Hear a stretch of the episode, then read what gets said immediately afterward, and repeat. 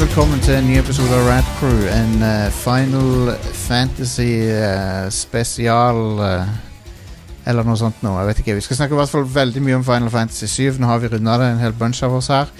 Eh, I den anledning så har vi jo en spesiell gjest som vi skal introdusere straks. Eh, men ja, vi skal snakke om Final Fantasy 7 Remake, selvfølgelig. Vi skal ha en topp fem-liste av eh, Final Fantasy spin-offs. Eh, Vi skal ha spillnyheter og mye mer. Så uh, hang in there. Eh, det, jeg, tror, jeg tror det blir en minneverdig episode. Og forhåpentligvis av bra årsaker. Um, jeg heter Jostein, og så har jeg med meg fra Lura. Are, hei. Yes, Og så har vi med oss fra Er det Oslo nå? Ja, jeg har flytta til Kolbotn, men det, du kan si Oslo. Ja, ok. Hvem, Hvem, hvem er du? Krister eh, Christer Runde, kjent Yay! fra tidligere nedlagte nerd, Nerdcast. Stemmer. Dere hadde jo nettopp en episode. Ja, vi, hadde det. Vi hadde det. Vi tenkte det at uh, nå går jo verden til hundene, så da må vi gjøre noe Vi må jo liksom gi litt tilbake igjen, da, følte vi. Helt siden dere slutta, så har jo egentlig verden gått dårligere og dårligere. Det er ikke sant? Det kan ha en sammenheng. Så eh, ja, det kan ha Altså, det er ikke alltid det har en sammenheng, men, uh, men det kan ha en sammenheng. Vi sier ikke at det ikke har en sammenheng. Nei, nei. Uh, men herregud, for et år dette her har vært. Nå, og nå det, det, det, det tar faen ikke slutt. For, ok, Så året begynte med Australia som brant. Sant? Hele fuckings Mm. kontinentet. ikke sant? Og så var det nesten tredje verdenskrig. Uh, og så har det vært den verste pandemien siden sikkert Ja, i hvert fall siden 2009. Um, og så Nå driver eh, Nå driver det og brenner i Tsjernobyl igjen. Ja, Eh, det gjør det jo faen meg. Ja. Men et, etter sommeren, Jostein, etter sommeren, nå, Ja. nå bruker vi liksom opp Det er noe som heter karma der, vet du. Sånn. Det må balansere seg ut på en eller annen måte. Så det nå, jeg, vet, jeg vet ikke hvor, hva, er det, hva er det som skjer. Det er helt crazy. Det er apokalyptisk eh, tid vi lever i. Ja. Det er jo helt vilt. Men eh, vi skal prøve å få deg til å tenke på noe annet enn det. Ja da, Det er jo, en, eh, det er jo god tid til å sitte inne og spille, da, om ikke annet. Det er det, vet du. Det er det. Så vi skal snakke om eh, Final Fantasy 7 Remake, selvfølgelig. Helt på sl og, og, Så jeg må bare si, eh, ikke vær redd for å høre showet pga. spoiler eller noe sånt nå. Det kommer en del helt på slutten, der vi skal spoile spillet. Og diskutere hva vi syns om eh, hva som har skjedd um, i eh, Altså, hva, er det, hva er det spillet gjør uh, annerledes? Hva er det det gjør likt? Hva er det, hva er det vi likte? Og, sånn, spoilermessig, da. Så, så vi skal ta det helt på slutten. Men eh, vi skal også ha en vanlig del der vi diskuterer hva vi syntes om det. og sånn. Mm. Um, og Vi begynte jo å snakke så vidt om det forrige uke, men da hadde vi ikke runda det. Så nå har, vi det, nå har vi den fulle oversikten. Um, men uh, Final Fantasy, ja, det er jo en uh, Eller forresten, Christer, vi må jo høre fra deg. Hva har det du drevet med siden sist? For det, du har ikke vært med på år og dag her. Nei, jeg har ikke vært med på år og dag. Det, jeg har kjøpt meg hus på Kolbotn, rekkehus, så jeg og kona har flytta. Det har jo tatt litt tid. Eh, Og så eh, har det jo vært å game litt innimellom. Eh, Selvfølgelig fått med meg det vi skal snakke om i dag. Det har jo, eh, Grunnen til at jeg er her, er jo fordi at eh, hvis det var et spill som jeg liksom outa mye gjennom Nerdcast-tida, så var det jo Final Fantasy 7. Og så gikk jo podkasten unna før eh, spillet rakk å komme ut. Ja, Eh, I god gammeldags Square Enix-fashion. De bruker litt tid for ting. Det gjør, gjør. Så, så nå har jeg iallfall fått uh, spilt det, og da sa jeg da må jeg jo få snakke om det òg. Og Ja. derfor så spurte jeg jo deg, Jostein, om ikke jeg kunne få, å være med på denne casten når, eh, når spillet var ute. Mm. Mm. Det er, det er jo en begivenhet, for det er jo lenge, lenge, mange mange år trodde vi det kommer aldri til å skje. Um, og så plutselig annonserer de det for hva, fem år siden. Ja, det var 2015. Ja, Jesus. Uh, og, og, og så uh, Og nå er det her. Og nå har vi runda det. så det er jo Mm. Ja. Vi, vi Litt sånn absurd. ja, det er veldig merkelig. Veldig rart. Uh, virkelig. Men vi skal komme nærmere inn på det seinere. det første vi skal gjøre, er altså ha ei topp fem-liste, og som vanlig um, Altså ei topp fem-liste som vanlig, men skal Denne gangen skal vi snakke om Final Fantasy spin-offs. Rett og slett. For det, det er jo en så jævlig lang serie, og i tillegg så har det dukka opp flere spin-offs underveis. da Så vi skal se på noen av de, de fem beste spin-offene ja, i Final Fantasy-serien, rett og slett. Mm.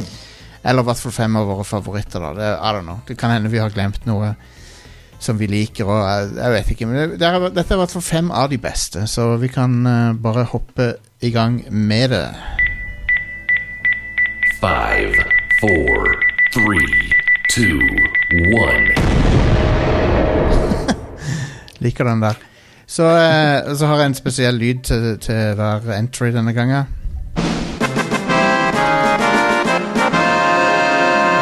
Nice. Så den første nummer fem her, uh, det er Type Zero. Final Fantasy Yes. Type Zero. Christer, du kan jo uh, utbrodere litt om hva det er for noe.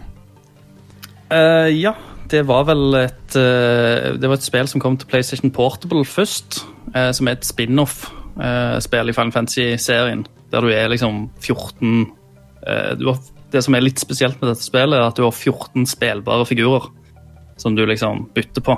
Mm. Det, det kom jo òg en, eh, en remaster-versjon til PlayStation 4 som du kunne laste ned. Uh, og det er vel den jeg spilte.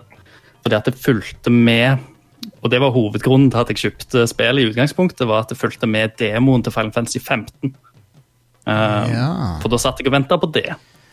Eh, men eh, det jeg ikke visste, da, var, var jo at spillet var ganske bra, syns jeg. Det, det er jo han der Hajime Tabata som hadde regien på Final Fantasy 15, så har regien på dette òg. Mm. og var egentlig Det er ganske mye mørkere spill enn uh, som tar for seg mye sånn krigføring og sånt. Landet er midt i en krig. Så Det er det, er mye blod og, og den slags. og uh, Det er liksom ei tåre som triller ned skinnet når du ser en stakkars chocobo Ligge ligger liksom og forblør på slagmerker. Jesus. Ja. Brutalt. Så det, det er ganske brutalt. Og så er det òg et spill som du må egentlig spille gjennom flere ganger for å få eh, den fulle historien. Ah. Mm. Det, jeg fikk litt sånn eh, Nesten litt sånn Harry Potter-vibes av det. Ja, det, de er jo en, det er en sånn Final Fantasy 8-aktig greie, der det er en uh, skole. da. Ja. Så det er jo en klasse av uh, ja, krigere. Uh, og de så, så, så på den måten så er det litt sånn erkejapansk med Ja. dette her eh, eh, At hovedpersonene går på skole og har sine liksom, problemer og ting og tang. De har selvfølgelig en lærer som er en eller annen eh, kjente kriger som har gjort et eller annet i en eller annen krig. Så han har jo fått et eller annet eh, kallenavn, da. Mm. Eh, og så blir du med de ute i krigen, da, egentlig. Mm. Eh, og du kan, eh, kan bytte eh, på karakterene, og alle karakterene har forskjellige måter å slåss på. Det er jo et action-RPG, dette. her. Mm. Mm. Kult. Det var Final Fantasy Type Zero. Men det var PSP opprinnelig, sant? Ja, PlayStation Portal. Ja. Uh, greit. Men da har vi uh, neste på lista her, som er Skal vi se, jeg må spille lyden. Kanskje jeg kan variere de fra de andre spillerne òg. de der Victory-fanfarene. Jeg liker det at de har en forskjellig sånn del to av fanfaren i mange av spillene. Ja. Så eh, jeg Men spesielt så liker jeg Jeg liker best syveren og tieren, tror jeg. Ja, Mhm. Når fanfaren slutter. Anyway, neste på lista her er Final Fantasy 10-2. For en latterlig tittel. Men det er i hvert fall, er eh, Final Fantasy 10-2. Eh, opp, oppfølgeren til Final Fantasy, Fantasy 10, som, uh, som er ganske interessant, fordi det det følger jo opp storyen fra tieren. Um, du skal Du drar på leten etter han Tiddis, som eh, Eller Tides, eller hva du skal kalle han. Fordi du Ja, det, du har et håp om at han finnes, da. Selv om det skjer jo ting på slutten av tieren som Ja, trenger ikke gå så mye inn på det, men eh, Du, Yuna og to andre, eh, Riku og så ei ny ei. Jeg husker ikke helt hva hun tredje heter. Pain. Ja, stemmer det. Stemmer det. Selvfølgelig. Ja, Veldig kreativt navn. Jepp. Så dere har et skip som reiser rundt i verden, gjør eh, oppdrag. Uh, men combat-systemet er veldig kult, syns jeg. Mm. Og, Det er jo dress spheres, som du En stor del av combaten der er jo at du faktisk tar på deg andre klær. Jepp. Eh, og i, eh, i god eh, Square Enix-ånd så skjer jo dette med masse partikkeleffekter og eh, ganske sånn show-off i eh, og, frek, og frekke ja, gimmicker Ja, det er kult. Jeg- jeg- jeg liker- rundt om, omkledningen. Jeg liker faktisk den gimmicken. Jeg syns det er kult, det. Um, Mm. Og det er jo en variasjon på det, på det, det klassiske jobbsystemet til Final Fantasy. Absolutt. Der du har forskjellige mages og uh, andre klasser som du kan bytte mellom. Men her, her så er det siden Her så er det popaktig sånne Popstjernekostymer, basically, som du switcher mellom. da Ja, de spiller jo litt på, på pop og liksom Charlies Angels-tematikk i spill. Ja, Charlie's Angels, ja. Selvfølgelig. Det, det, det er jo mye inspirasjon derfra. Det har jeg ikke tenkt på engang før. Mye eh, trippelposeringer og den type ting. Ja, ja, ja. Det er et veldig stilig spill, og så liker jeg Jeg bare liker hele estetikken til det. Mm. Jeg, eh, jeg, jeg koste meg faktisk med, med det spillet. Mm. Eh, selv om det liksom har liksom, Vet ikke jeg Folk se, ser litt på det med litt sånn Å ja, du liker det, ja. Men eh, jeg, jeg tror det er av disse her omkledningsgreiene som gjør at det får, har gjerne fått et litt dårligere rykte enn det fortjener. Ja. For det, iallfall gameplay-messig så syns jeg det er kjempegøy. Mm. Jeg er enig. Uh, jeg, jeg, jeg Og så får du lov, får du lov, selvfølgelig lov til å være litt fjollete. ja, ja, og det er jo kult. Og jeg syns at uh, det er litt Hun Juna hun er jo veldig sånn uh, stiv og pen og pyntelig i det, det forrige spillet. Mm. Men her så får hun lov til å være litt mer sånn Til å slippe seg løs litt mer, da. Ja. Eh, og det syns jeg var litt kult, for hun er litt sånn Hun er litt på den kjedelige sida i det originale spillet. Mm. Absolutt. Så uh, hun, er, hun er litt kulere her. Anyway, det var Final Fantasy 10-2. Vi skal over i neste, som også er en lignende ting her. Um, og det, det høres rart ut å ta denne her rett etter 10-2, men det er altså Final Fantasy 13-2. som uh, Så det kom til Final Fantasy 13, som var et veldig splittende spill. Folk var uh, Men kanskje nesten mer på den negative sida enn på den positive sida. Jeg har inntrykk av at det kanskje færre folk liker det enn misliker 13. Um, men det er bare noe jeg har en hunch på, da. Jeg vet jo ikke. Nei, men det var, det var litt sånn Det fikk jo mye kritikk på tida for at det var veldig lineært og, Ja. og sånt. 13. Og, og at eh, du bare fulgte en sti hele tida, og du hadde kvitta deg med alt som hadde, hadde med exploration å gjøre. Ja, den, altså Du måtte spille 20-25 timer før du kom til noe exploration-ting. Ja. Uh, og det, ja, så jeg satt, etter jeg rundet 13, etter jeg rundet 13, så satt jeg igjen med en sånn følelse om at uh, Hva det hva det jeg har brukt 50-60 timer på? Hva er det, var det verdt det, liksom? Men uh, 13.2 uh, er my- uh, har en mer uh, løs struktur og mer åpen struktur. Uh, du spiller som søstera til Lightning, da, uh, som skal finne Lightning. Uh, så det er jo veldig lik, uh, likt premiss som T2 òg, egentlig, når jeg tenker på det. Mm. Men uh, du, Du het noe sånn Vanilla eller Van. Nei, Vanille, Vanille, det er hun, Vanille. der, det er hun fra hun australske Å ja, er det Sarah eller Sarah eller noe sånt? Sarah er det. Ja, ja. Um, for du vet, alle fra den planeten Pulse De snakker aust med australsk aksent av en eller annen grunn. I 13. ja stemmer det. Um, men, eh, men ja, hun Sarah hun, hun møter en annen fyr som er en tidsreisende person, og så um, teamer de opp og reiser til forskjellige epoker. da Eh, Så det er litt sånn time travel inni der. Og Da får du se forskjellige epoker av den verdenen. Og det er litt spennende i seg sjøl. I tillegg så er det en annen time traveling eh, dude som skal berge Er det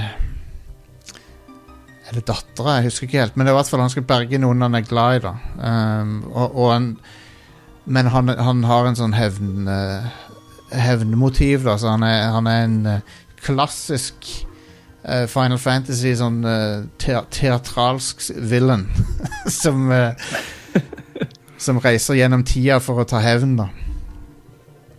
Og han har òg noe fantastisk bossmusikk, som er sånn mega operastil på. så eh, ja, nei, så 13 har mye for seg, syns jeg. Um, du kan òg rekruttere monstre og, og bruke monstre i partyet ditt. Som er litt, litt ja, så ja, er litt sånn Pokémon-aktig. eh, ja, det er faktisk det. Du kan rekruttere omtrent alle monstre du finner. Mm. Um, og så Bare bruke så- ba- bare så det er sagt, så har jo jeg aldri spilt 13-2 eller 13-3. Det er helt fair. Det, beklager, det er liksom et sånn blankt, eh, blankt ark i min Final Fantasy-CV. Jeg skulle ønske 13.3 var bedre. Um, Lightning Returns, som det også heter. For det, det, det har et interessant premiss. Det er at du det, den har uh, Det er basically Majora's Mask. Så, så en, du har så og så mange dager før verden går under. Ja, er ikke Lightning blitt en sånn dødsgud òg, eller noe sånt? Jo, Da. basically, ja. Um, Ja. Og så kan Så kan du repetere det så mye du vil da og bli bedre og bedre. Akkurat som i Majora's Mask, liksom. Mm. Så, men jeg likte ikke det spillet så godt. Det var et eller annet med det. Det føles også mer low budget enn de to forrige. Ja, for de kom ut hva var det, nesten et år etter hverandre. Det var ikke så lange tider der. Nei, det var veldig kort tid etter hverandre, ja. Um, alle 13-spillerne Alle tre 13-spillerne De er på Steam, tror jeg, så det er bare å prøve de der. Løp og kjøp. ja. Nei, men jeg, jeg har spilt 13 igjen for et år siden, litt grann, og, og eh, jeg likte det mer nå enn jeg gjorde da. Men det er kanskje fordi jeg var mer forberedt på det spillet. Altså, det, det skal jo i hvert fall Square Enix eller Squaresoft ha. da, sant? Fordi at uh, Selv om det liksom er et eh, nytt Final Fantasy-spill, så har de aldri vært redde med å eksperimentere med ting. Nei. Og prøvd ny, altså, nye gameplay-elementer og alt. De har aldri klart å låst seg til noe. Eh, så det er jo alltid interessant hver gang det kommer en, en ny eh, nummerert, eh, et nytt nummerert Final Fantasy-spill. Indeed.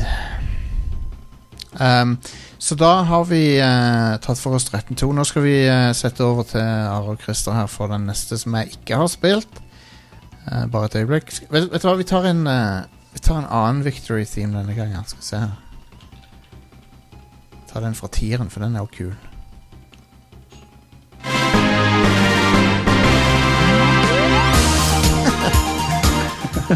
Yes, Uh, men det er altså uh, På nummer to så har vi uh, Crisis Core. Yes. Ja. Are? Ja, det kom på PSP. Eh, Det er et av de få PSP-spillene jeg faktisk liker.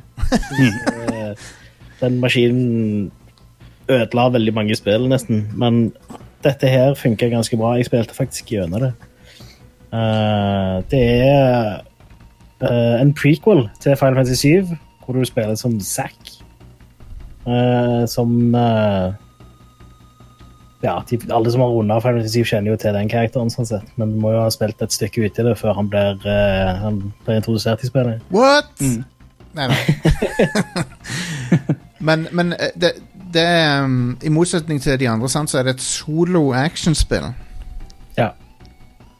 Det er det. Og det har eh, litt sånn eh, action RPG-kampsystem. At du Ja, litt sånn som remaken, bare ikke like bra, da. At du uh, ja, angriper med å liksom trykke på firkanten, og så angriper han akkurat når du trykker. Ja. Ikke turbasert sånn som gamle Final Fantasy 7. Uh, og jeg husker det jeg likte veldig godt med spillet, var at uh, materiasystemet gjorde sånn at uh, han ble veldig veldig sånn customizable.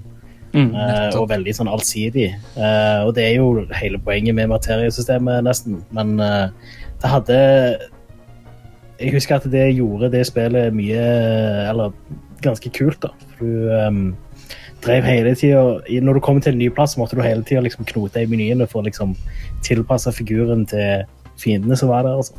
Ikke sant? Det, og det, det som er løye å tenke på, at før liksom Final Fantasy 7 remaken kom ut, så var jo dette det nærmeste vi hadde. Fordi at eh, selv om det er en prequel, så besøker du en del av de samme plassene Ja. og locationene som i originalen. Og da fikk du jo på en måte se eh, 3D-områdene til det du bare hadde sett liksom top view tidligere. Ja. Dette var to-tre år etter den Advent Children-filmen, som også ga deg litt mer sånn uh, penere versjon av det du hadde sett i, i spillet. Mm. Ja, men, men den, den skiller seg litt ut, da. For den, uh, selv om du jeg, jeg følte ikke den klarte å fange det samme. Nei. Uh, miljøet like godt, og karakterene var såpass endra fra det en husker de. Ja, det, det, det er sant. Selvfølgelig liksom Tonen i hele Advent Children er veldig annerledes og altfor liksom mørk. Eh, fordi at eh, Final Fantasy 7 har jo veldig mye humor i seg, og skjerm, og Ja.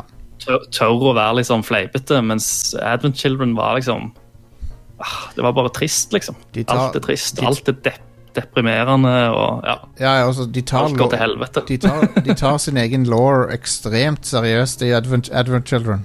Ja. ja. Uh, men, uh, men ja, dette Så dette, dette spillet er jo kjent som et av de beste PSP-spillene, men det er jo det, det er jo også stuck på PSP. Det er det som er så drit med det. ja. Ja, for det kom aldri ut digitalt, stemmer ikke det? Aldri. Det er kun på UMD. Ja.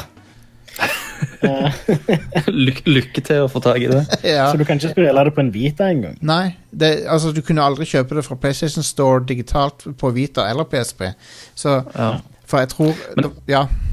Jeg har, jeg har sett uh, at Square Enix har jo tatt og liksom uh, fornya copyrightene til flere av disse compilation-spillene, Dirge of Cerberus og Crisis Core. Så det kan være at nå i eh, ettertid av remaken at de kommer til å gi ut en eller annen pakke eller et eller annet sånt. ja. Kanskje. Maybe, maybe. Det hadde vært fint. Men ja, Crisis Core eh, et, av, et av et fåtall spill som vi helst skulle hatt ut, vekk fra PSP og ut på en ordentlig plattform. Så eh, Et annet et som jeg vil nevne der, er jo Tactics Ogre eh, på PSP. Det, Mm. det, det, det er insane at det ikke Ja, hvor, hvor- hvorfor er det stuck på PSP? Det er helt ridiculous. men, men, men. Eller det, Nei, du kan jo spille det på Super Nintendo hvis du ja, men det er jo ikke langt er japansk. Det er, på, det er ikke langt nær så bra versjoner, for at de pussa det jo opp til PSP med ny musikk, eller, eller forbedra musikk og alt. Ja. Så uh, Sånn er det. Men da vi kom til nummer én, og vet du hva, det kan jo bare være ett spill, egentlig.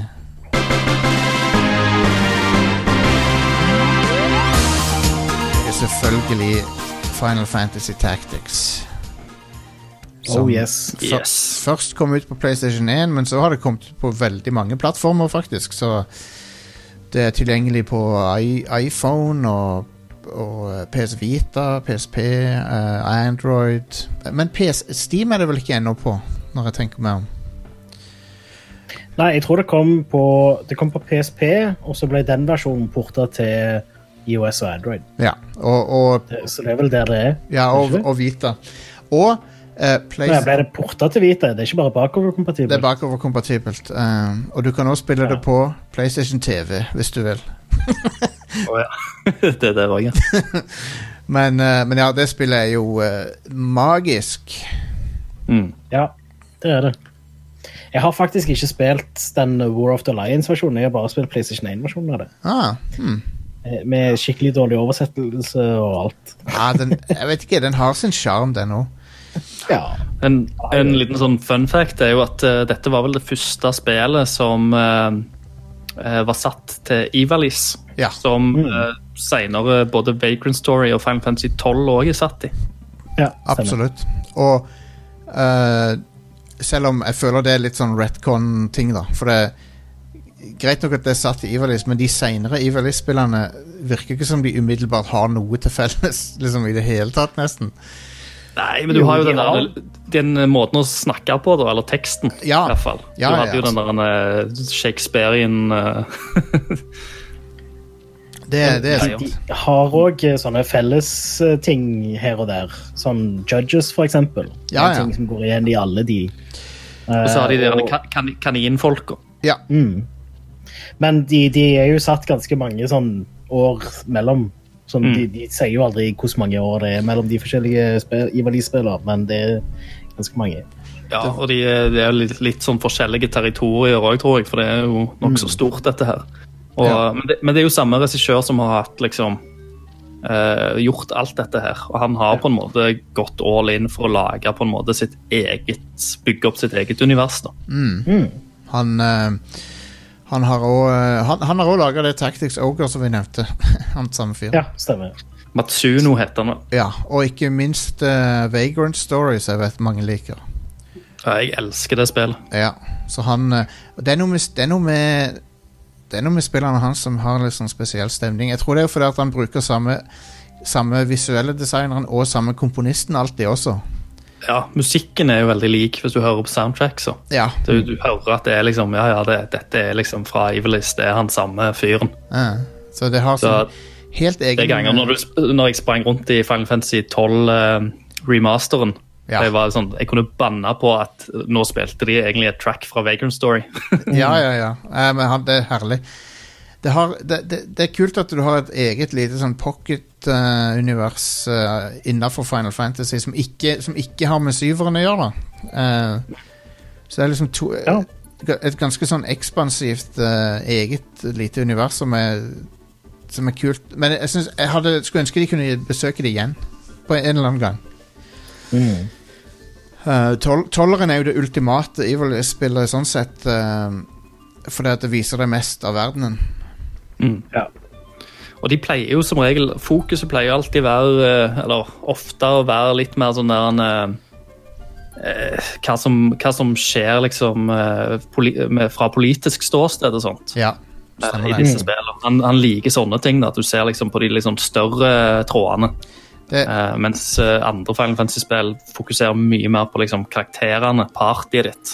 det er I, i i Ivali-spillene så er det veldig mye menn og damer i rustning som står og har alvorlige samtaler med hverandre. ja, eh, det er om, sant. om nasjonens eh, vel og ve og sånn. Men, Mm. men eh, Tactics er et fenomenalt spill som, har- som har en hel mind-blowing mengde med eksperimentering du kan gjøre. Med, med jobbklasser og, eh, og oppsett og sånne ting. For det er jo et, det er jo et isometrisk taktikkspill à la Du kan jo sammenligne det med XCOM og sånn. Mm. Og Ikke sant? det, altså, mulighetene i det spillet er uh, helt uh, vanvittige. Så det, det, du kan spille det på så mange forskjellige måter. Um, så, og det har jo noen av de særeste og litt sånn merkeligste klassene i Final Fantasy, sånn som um, Mathematician, er ikke det en klasse? Det er noen sånne superrare classes som det er sånn uh, du ikke helt vet hvordan du skal bruke til å begynne med. ja, du, ja, du har Geomancer. Geomancer, ja. Ja. Mm. Anyway, det var topp femmen. Uh, jeg vil også nevne Jeg vil også trekke fram Final Fantasy Tactics Advance og Advance 2, som begge er veldig gode. Ja. De uh, har sin sjarm, begge to. De har de, Jeg vet at enkelte var ikke så fan av dem fordi de introduserer en del sånne eh, restriksjoner på combat og sånn. For det er noen sånne dommere som bestemmer reglene for hver battle. Sånn det er ikke lov å bruke fire magic, eller det er ikke lov å bruke ice Aha. magic. Så var, var noen som ikke likte det så godt. Men jeg, jeg syns det var helt greit. Så, eh, så det. Det var topp femmen. Da, Are, da vil jeg gjerne ha the news.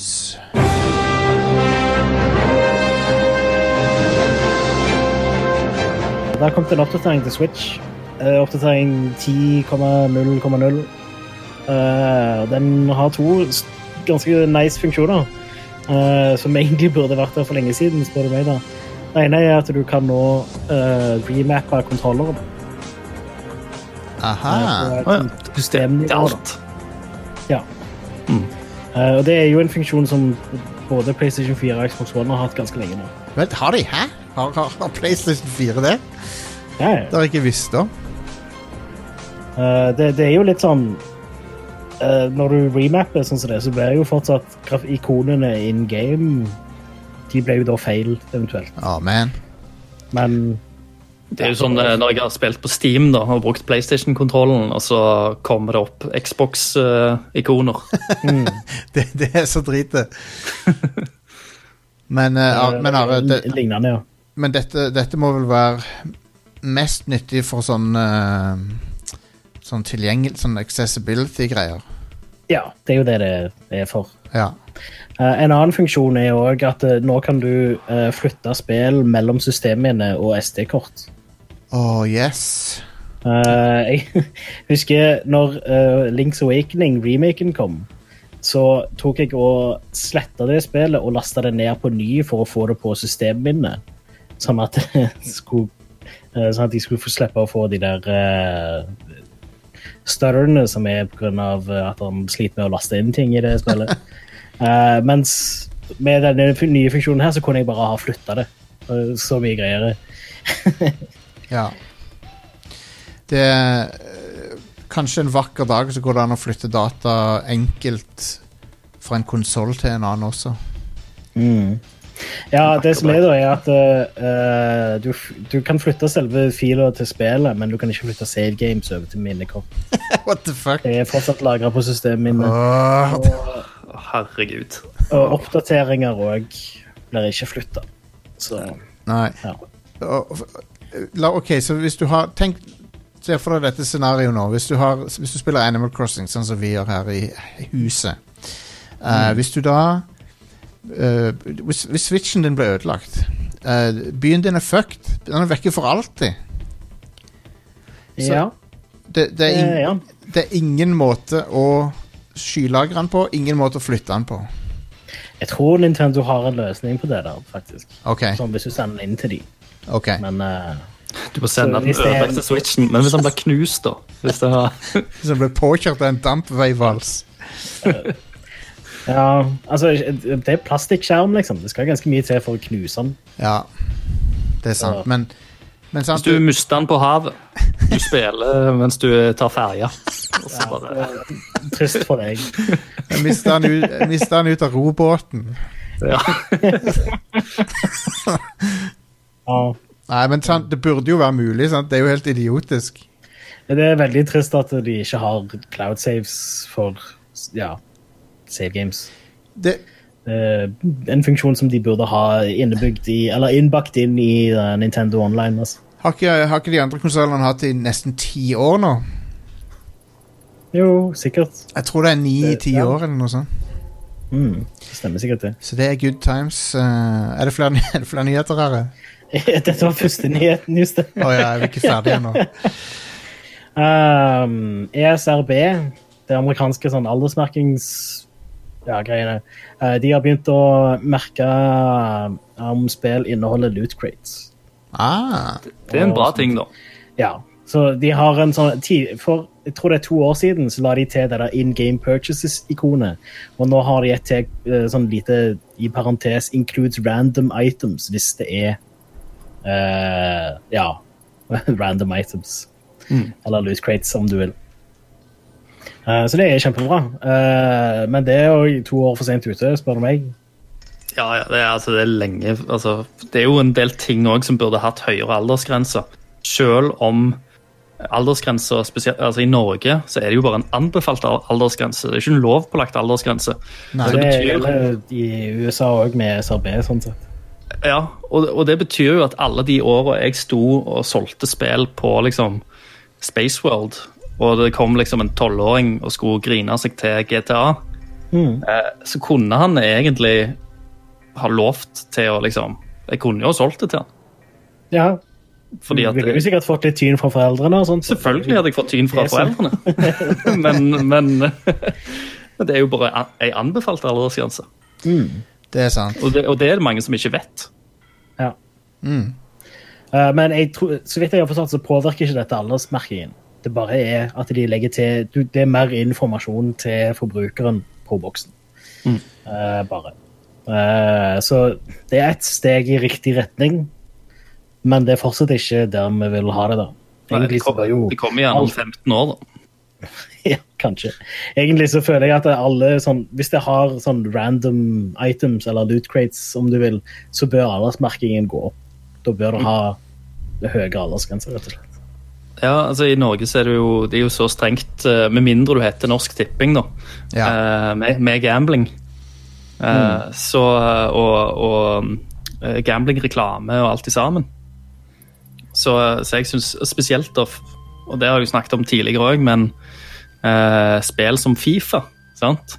Fordi at når jeg spilte Fifa når jeg var ung, eh, så var jo Fifa Fifa. Det var jo fotballspill. Og det er jo det foreldrene tror at det er ennå. Ja. Men at du har den der eh, gamblingmaskinen ved siden av dette fotballspillet, og, og den delen av spillet som er et spill, den driver og pusher deg inn på, på kasinoet. Det er jo, Ja, det, eh, det er jo ikke så bra. Det er jo kynisk. Nei, ikke i det hele eh, tatt. Og småunger er er jo mye mer eh, mottagelige for liksom sånt enn en eldre mennesker òg. blir, men blir Fifa merka nå, da? Nei, I USA så blir det det. Ja, okay. Dette er eh, ESRB, så det er det amerikanske aldersmerkingsbyrået. Det er jo litt rart, for det, jeg føler EU ligger ofte foran USA på de tingene, men Ja. Eh, men Peggy henger litt etter på akkurat det der. De Ja. har jo uh, merking for uh, når, når du kan kjøpe ting i spillet, ja. Men det, det, men det så ikke om de har random items. Jeg føler det er feilslått å si at et spill har in game purchases, at det er så veldig relevant. For det at du har in game purchases som kan være helt uskyldige. Mm. Og så har du in game purchases som kan være megakyniske. Så det er sånn Det at det er in game purchases, er ikke så veldig relevant info, syns jeg. Det burde heller stå at det er gambling-ting. Mm. Jeg, jeg er helt enig, men, men der òg så er det litt sånn Du må jo ha noe. Du må jo ha en egen sånn komité som setter seg skikkelig inn i disse spillene Ja. og finner ut er dette skadelige mekanikker, eller er de nokså uskyldige? sant? Eh, Foreløpig er jo ikke loot crates sett på som gambling. Nei, det er ikke det. Men De bare bruker- Jeg det er det. Så, de, altså, de bare bruker alt, alle samme triksene til gambling, bortsett fra at du kan Som regel så kan du ikke cashe ut. mm. Uh, Det det, det, men av og til kan du det òg, sånn som i CS GO. Ja. Ja, sant, der du, har, du har egne men Du har jo egne sånne der, eh, auksjoner som foregår. ja. Du kan kjøpe og selge ting. Så det blir jo på en måte en cash-out i form av det. da. Konge. Ja. Eh, Crisis-kontoen tweeta for sånn første gang på fire år. Så kanskje det kommer et nytt Crisis. Tweeta de systemkravene? Uh, nei, de tweeter bare teksten 'receiving data'. Ja, ok. Systemkraver fins ikke ennå. Nei, det er ikke, den PC-en er ikke laga ennå. Nei. Du må ha en quantum computer fra år 2029. Eh, Du, må ha den, eh, du må ha den maskinen som er i TV-serien Devs. Ja, jeg har, jeg har, jeg har sett eh, Jeg vet hva du prater om. Mm. Lol. All right. det var interessant. Der, jeg vet hva jeg tipsa deg om det, men når jeg, når jeg hørte deg si det, så var det ikke så interessant som jeg trodde. Ta ne kan vi ta neste nyhet? ja. Uh, rykter sier at M2 jobber med en Resident Evil 4-remake som skal slippes i 2020. M2M, er de tilbake igjen? Jeg digger, digger de. De hadde en sang på Pokémon-filmen her. M2 er jo et eh, nyoppretta studio med Capcom og Platinum-ansatte. Å ja, de, ja. Eh, og de uh, var sånn støttespiller basically på utviklingen av Resident Evil 3-remaken. Ja. Så de var med å utvikle den. Og nå skal de remake fireren. Ja, det Ja. det ryktet sier, i hvert fall. Ja, det fortsetter jo ikke. De gidder ikke å ta Code Veronica først, altså. Det er, for, Nei, det er jo det de burde gjort, for det, det, det spillet trenger de jo mer. absolutt. Men det spillet solgte ikke like bra som Resident Evil 4. Nei, altså Hadde de kalt det for Resident Evil 4, så hadde det kanskje solgt bedre. Ja. Ja. Men uh, de, gjorde, de gjorde jo ikke det. Nei. Eh, men, men selvfølgelig, det er jo ikke å si at fireren ikke gjorde noen smarte ting. nå. Uh, mm. Men det var jo òg fireren som, som egentlig starta å raukjøre hele serien, før de har henta seg tilbake igjen. nå. Ja, altså, Ja, fi- fireren er er jo Jeg, jeg, jeg syns fireren er fantastisk, men ja, det var begynnelsen på slutten på På Resident Evil en stund der. Ja. Det var, ja, det var det. Det ødela den serien, selv om det er også et av de beste spillene i den serien. Ja. Så, ja. Eh, De tilbød òg Shinji Mikami visstnok å regissere spillet, men han sa nei. ja. ja. Bare fortsette med det der Tango Gameworks-greiene han holder på med. ja. Jeg, jeg tror ehm, jeg tror dette kan bli bra, men så, så, så lenge de ennå holder på med åtteren Ja, og det Sannsynligvis kommer jo åtteren neste år, heller, i 2021. Ja, jeg håper Tror dere, det, tror dere at åtteren blir førsteperson eller tredjeperson? Tredje, jeg tror tredje nå, for at to-remaken uh, to-remaken ble så godt mottatt. Ja, Vi gjorde ikke Ja. syveren òg det? Jo, han ble det, men ikke like godt mottatt. Altså, det, hadde vært, det hadde jo vært jævlig merkelig å spille Resident Evil 2 i førsteperson, så jeg skjønner jo hvorfor de la det i tredje. Ja, Men det var noe med syveren som var ganske sånn tilfredsstillende òg. ja jeg, jeg syns syveren var syveren, friskt. syveren var helt nødvendig for å redde serien. Og de, og de klarte å redde serien. Og det var overraskende hvor godt liksom, den der Resident Evil-oppskriften funka i første person. Ja, jeg vet det. Når du, med en gang du kommer til første save-rommet, så merker Å ja, det, det er faen meg Resident Evil-spill de har laga.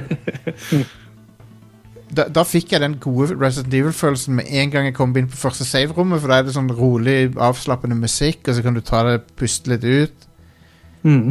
Selv om, eh, selv om jeg syns jo at det mest spennende i, den, i det spillet er jo ennå i det huset med de galne folka. Ja. Mens med en gang du kommer til en ny setting på slutten, ja. og det blir liksom mer sånn monster rolls, da Ja.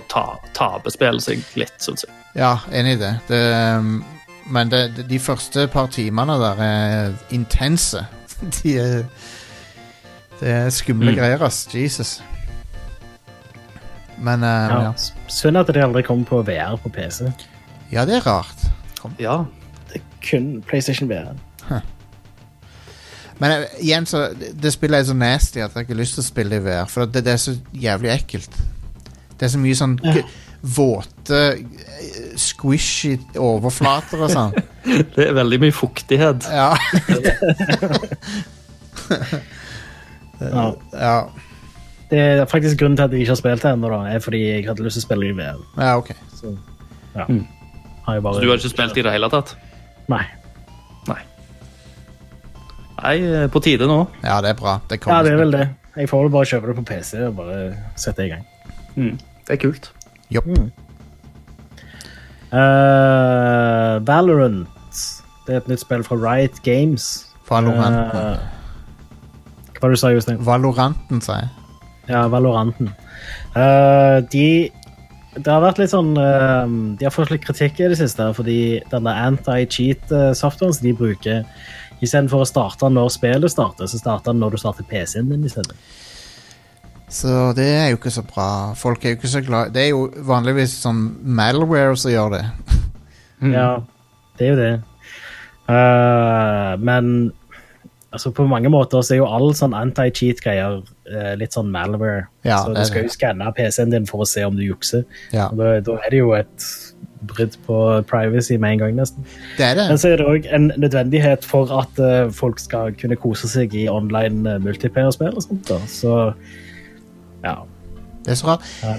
Man tror, om det, man tror om det hadde gått an å kjøre anti-cheat-software på serveren isteden. Uh, ja. for, for å se om det er noen mistenkelige inputs eller noe sånt. Sånn at Det, det, ja, men tingen er at da tror jeg nok at uh, det hadde vært vanskeligere å få til sånn latency og sånne ting. Ja, det er sikkert sant. Fordi all input som du sender ut, må da kryssjekkes med noe annet. liksom. Ja. Og det er jo Ja, det blir litt tricky, det òg. Yeah. Anyway, det, det er kjipt at de føler for at de må gjøre det, men eh, Valorant har Mm. jo tatt eh, fullstendig av på Twitch, da. Ja, det er jo ikke så rart, det. da. De, det er jo lagd av Riot Games, som har sånn, det mest populære PC-spillet. Så Skal vi se hvordan det er rangert eh, nå, nå, skal jeg, nå skal jeg browse akkurat nå. Skal vi se Mm. på hva som er ah, Og Valorant er nummer én spillet med en faktor på fire. Ja. Uh, Nice. Så nummer to-kategorien er bare uh, Just Chatting, naturligvis, uh, med 200 000. Og så har vi Valorant med 870 000 seere. Wow. Så det, Nice. det spillet Det er hot. Jeg har ikke prøvd det, men det ser jo ut som basically uh, CS med Heroes. CS, CS kryssa med Overwatch. Ja. Så det må jo være en oppskrift på suksess, det. Mm. Uh, men det, men Folk det, har lagt verre ting enn det. ja, ja, men det er jo i lukka beta, da, så det går ikke an for alle å spille per nå.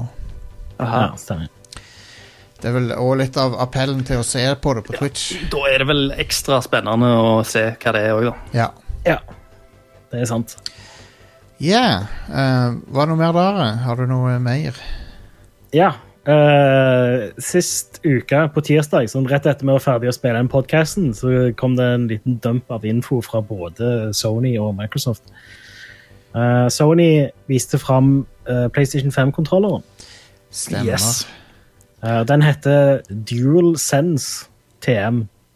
Stemmer. Eh, og Uh, det, det ser ut som en sånn videreutvikling Altså den naturlige evolusjonen av PlayStation 4-kontrolleren. Den har veldig mange likhetstrekk. Men uh, Det, de det ser nå- ut som han kommer med spesialutgaven til PlayStation for uh, Detroit Become Human.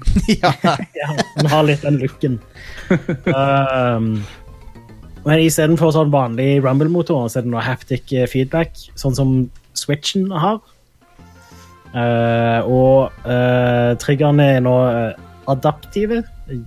Jeg vet ikke helt om det er det samme som er på Xbox One, eller hva. De har bare sagt at det er adaptive triggers. Okay. Uh, mest sannsynlig er det bare en sånn haptic feedback-motor i triggeren òg, som kan gi ja, feedback når du Ja, alt etter hva spillutviklerne bestemmer. Kontrolleren har òg innebygd mikrofon,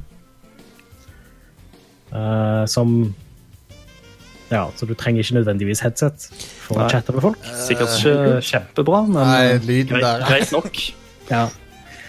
Eh, Men denne mikrofonen kan visstnok sånn, eh, oppdage forskjellen på deg og en annen person, for eksempel, og sånt.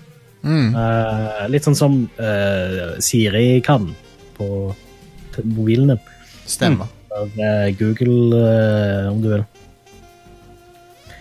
Eh, ja, og så er det to forskjellige farger på kontrolleren denne gangen. Så han er både sånn svart eller grå, og så er han hvit. Har, du, har de vist fram den svarte òg, eller bare den hvite?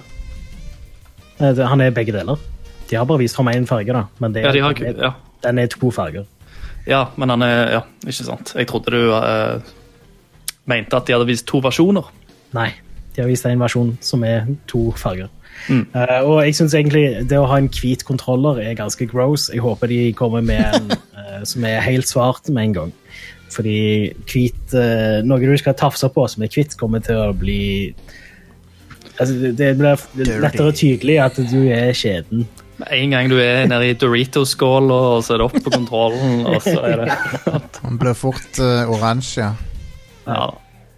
Ja men, jeg, men jeg likte utseendet på han ellers. Jeg syns han ser bra ut. Mm, jeg Det ser ut som en sånn, veldig sånn clean, sci eh, moderne sci-fi-take Ja. på, eh, på designet. Ja, Men, uh, jeg venter å se hvordan konsollen er sammenlignet med kontrolleren. For dette, de har jo sikkert litt sånn lignende look. Ja, det vil jeg tro.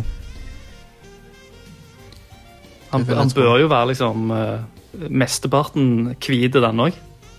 Ja, jeg håper ikke det. Jeg vil egentlig at all brukerelektronikken min skal være svart. Men så har han jo de der, eh, han har jo kvitta seg med den lightbaren eh, på baksida. Men eh, nå er de ikke velkomment på håndta eller bak håndtaket isteden. Nå er det to stykker. Ja. Um, som, for folk var jo ganske sure, spesielt når de spilte VR. Eh, tror jeg, med denne her eh, lightbaren. Fordi at den uh, fucket opp ting, eller sensoren, eller et eller annet sånt. Mm. Mm, forstår, Um, mener du? Nei, det var et eller annet som plukket opp nå, hvis du måtte bruke den PlayStation 1 eller et eller annet sånt. Uh, jeg, Ja, altså den- jeg leste det til noen.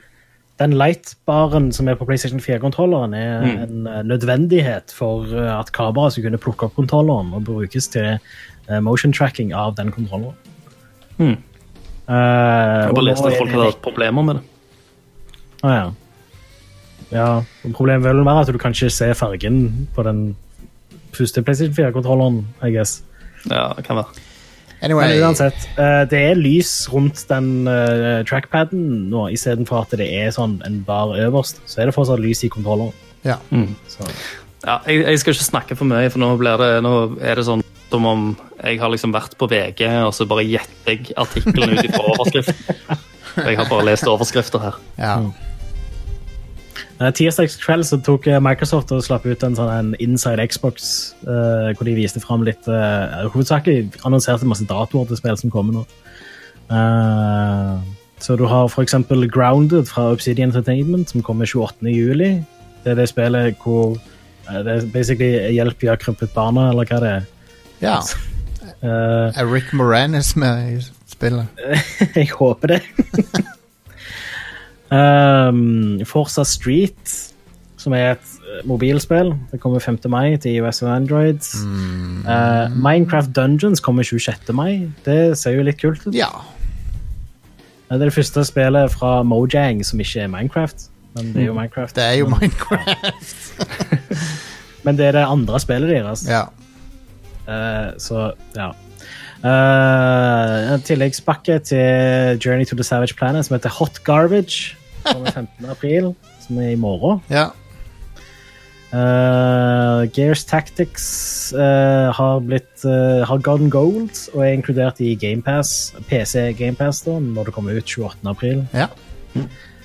Eh, Atomic Crops et spill som kommer 28. mai.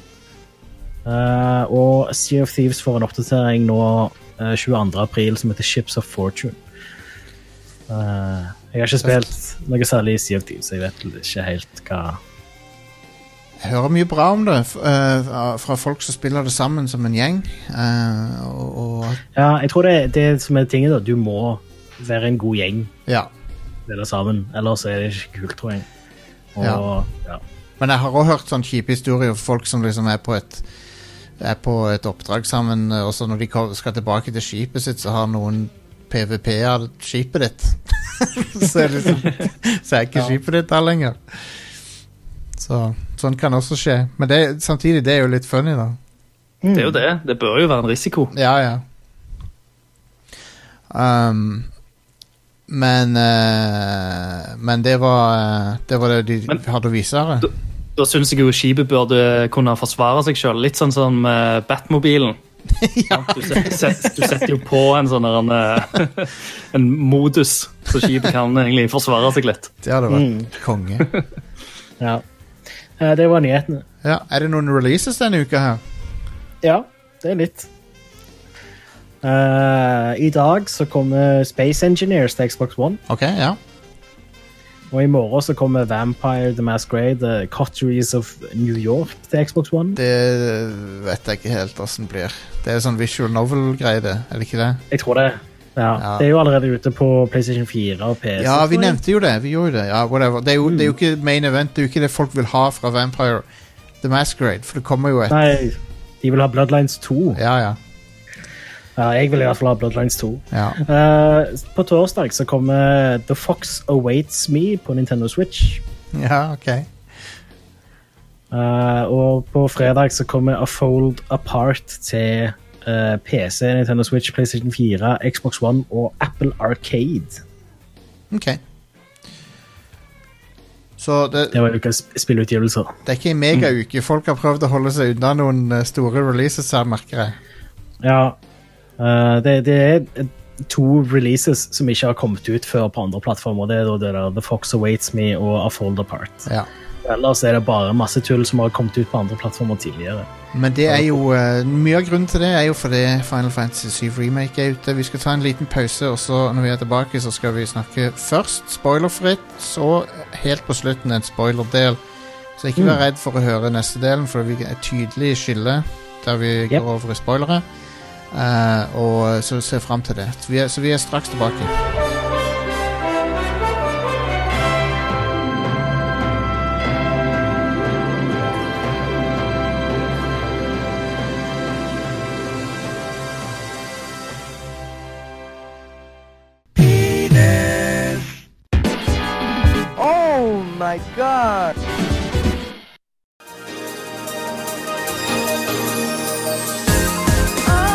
Det er Jostein her igjen. Onkel Jostein er på plass for å sende en takk til noen av dere som eh, backer oss eh, på diverse plattformer, enten det er årlig støtte via PayPal eller faktura, eller via patreon.com. De flotte folkene i patreon.com.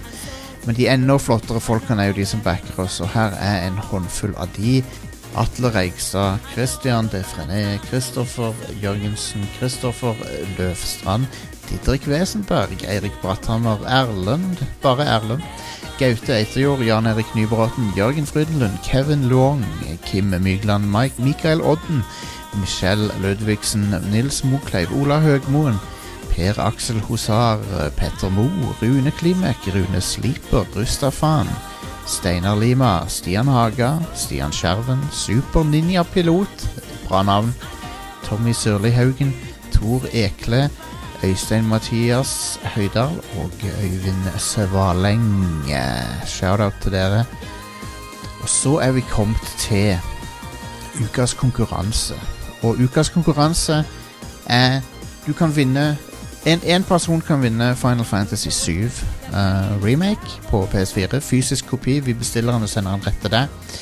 Um, og det du må gjøre, er å identifisere lyden som spilles nå.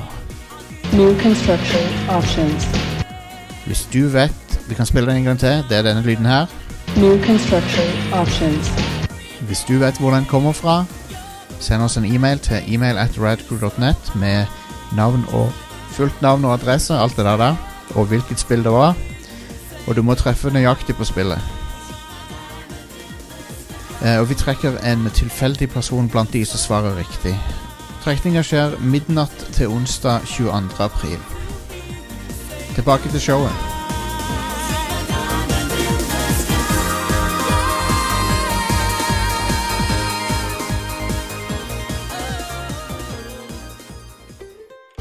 Lars, gi meg en L. L. Gi meg en O. O. Gi meg en L. L. Gi meg en B. B. Gi meg en U. U. Gi meg en A. Ah.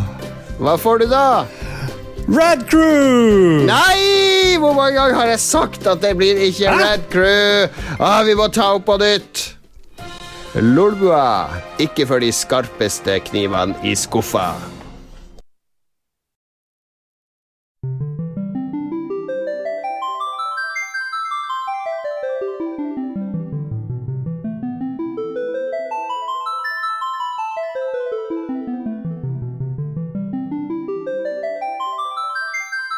Alright, det er en uh, historisk begivenhet. Ikke bare fordi vi skal snakke om et historisk uh, spill som er kommet ut, men, men fordi vi har med oss Christer fra Nerdlot, som har venta i mange, mange år.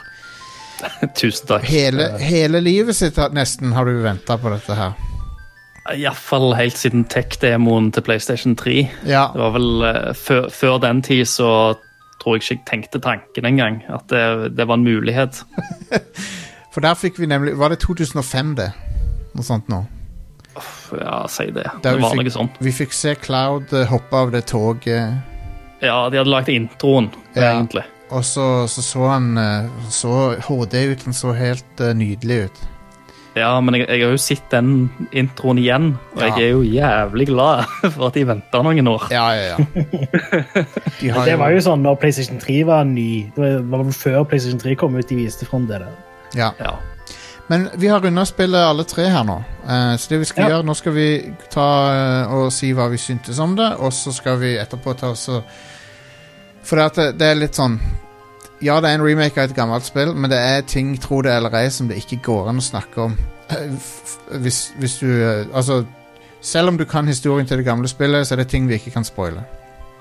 Um, og, så Derfor skal vi ta en spoilerfri del først nå, og gå gjennom eh, våre generelle tanker om, eh, om spillet. Så eh, Christer, du skal få lov til å begynne, tenker jeg. Jo, tusen takk. Nei, altså det, For meg så er det jo, eh, som har venta så jævla lenge på det, så er det vanskelig å liksom summere det opp. Bare sånn veldig, veldig enkelt. For det er jo mange, mange mange tanker som Ja. raser rundt i hodet Ja, når jeg spiller dette. her. Eh, men for det meste så har jeg egentlig storkost meg. Mm. Det har jeg. Eh, jeg eh, trives å bare gå rundt igjen i Midgard. Det er selvfølgelig sprinkla med masse nostalgi, dette her. Um, og bare se på miljøene, se på detaljene, se alt de har fått med seg. Samtidig å ha liksom en liten sånn spenning i magen på hvordan kommer de til å bygge ut sekvenser. Sant? For det Ja, ja. vil jo være ting her som, eh, som de kan fortelle nå, som de ikke kunne fortelle.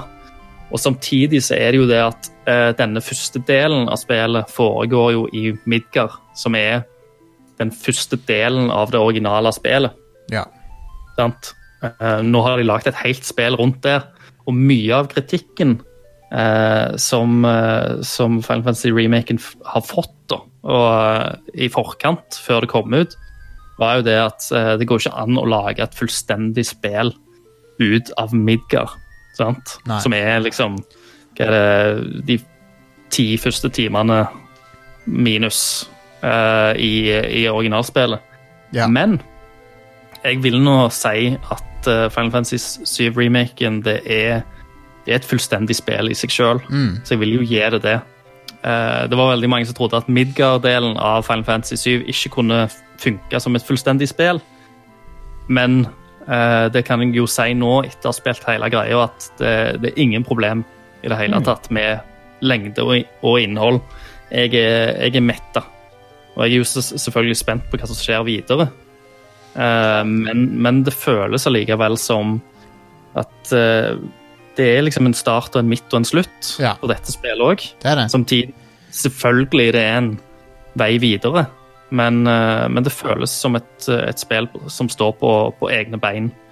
Um, og eh, jeg syns voice-actorene har gjort eh, en, en veldig bra jobb for det meste. Um, Det er jo noe cheesy dialog, selvfølgelig, men det er jo forventa.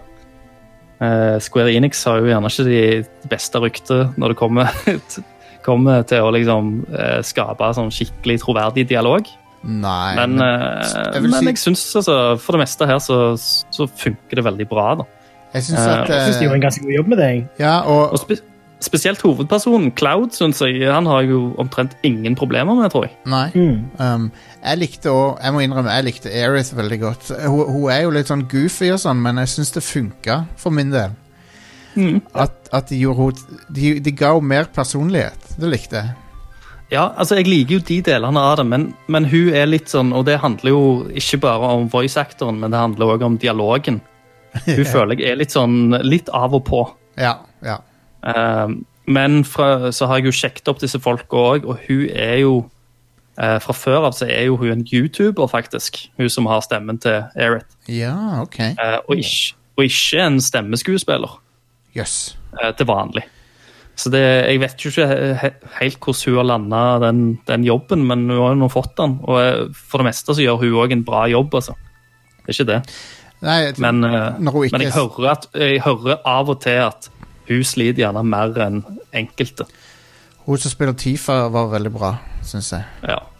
Og, så, og så er det jo Folk vil sikkert være litt splitta på Barrett, fordi at han eh, ja, Han er jo veldig sånn uh, cartoony, Ja, egentlig. dude. Han høres ut som Hvis dere har sett Always Sunny in Philadelphia, så høres han ut som uh, Mac og Dennis når de skal lage Lethal Weapon-parodien Eller ikke parodien engang. Når de, når de prøver å være Danny Glover uh, i den Ja. serien. Sånn høres Barrett ut her. Barrett vokste veldig på meg i løpet av spillet. da. Jo da. Det, det gjorde han. Det gjorde han absolutt. Og det gjør, det gjør han egentlig i originalen òg, så det er jo egentlig hans eh, Hans uh, akt, det der. han er. ja. At, uh, at han begynner som en liksom veldig sånn stereotypisk fyr, men så skjønner du etter hvert at det er litt mer greier som foregår med han, og han, karakteren hans har mer dybde. Det er sant. Eh, så rollegalleriet syns jeg er veldig bra overall.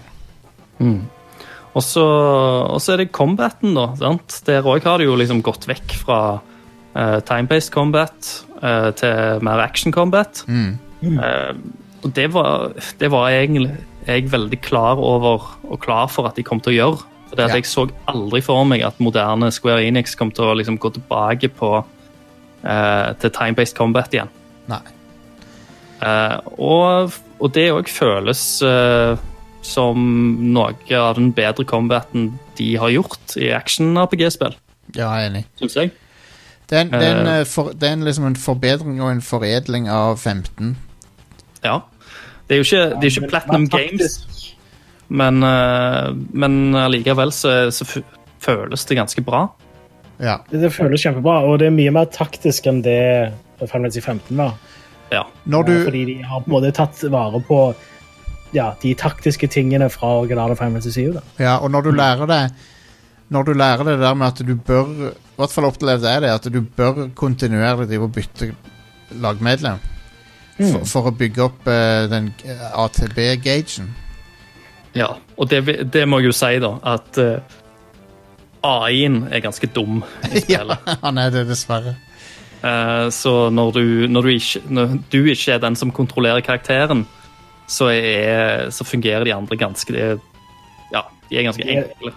De er veldig passive. Ja, de, de, har jo, de har lagt opp til at du skal aktivt ta over. Ja. Ja. Og der, der ønsker jeg heller en sånn eh, Det kunne vært fint å sitte et mer sånn lignende gambit-system som Final Fantasy 12 Ja, har. Så når, når du ikke kontrollerer dem, så gjør de dette. sant? Ja, Ja. jeg er helt enig. Eh, Og det kunne bare vært noe så enkelt som at du hadde en sånn aggressiv uh, off uh, sånn offensiv, defensiv eller midt i balansert, liksom. Mm. Det hadde vært jævlig deilig å ha en, liksom, en dedikert healer som kun fokuserte på healing, f.eks. Ja, ja, ja. Enig. Uh, en eh, annen ting jeg syns om kampsystemet som jeg ikke hadde merket til før mot slutten av spillet, er at altså måten de har balansert altså fiendene og de eh, sterkeste magigreiene mot slutten av spillet funker ikke helt overens, syns jeg.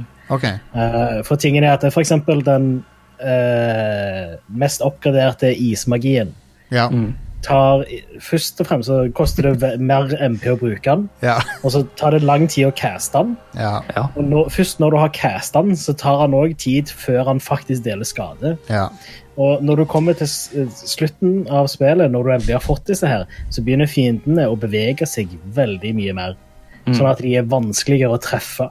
Så det jeg endte opp med å gjøre, var bare å bruke den laveste magigreia for å liksom For å i det hele tatt kunne dele noe skade i det hele tatt. Men det er jo for å få opp eh, den ja. Og, det, og det henger jo mye igjen i sammen med at Du må gjerne treffe en del av fiendene med en spesiell type magi for å stagre dem, Ja. som gjør at de da blir slått i svime og tar mer damage. Ja, jeg bare føler at den balansen der ikke funker. Fordi uh, det, det er på en måte Det koster for mye å bruke den uh, uh, hardeste magien, kan du si. Spesielt ismagien, da, som du nevner, er jo hard, For den gjør ikke damage med en gang. Den, der kommer det bare sånn isflagg, og så bare sprenger det etter hvert. Og da gjør han damage. Og på den tida det har tatt, så har liksom fienden flytta seg langt vekk. For de har jo, de har jo eh, eh, adoptert systemet fra 15 med det at eh, det betyr noe med fysisk plassering.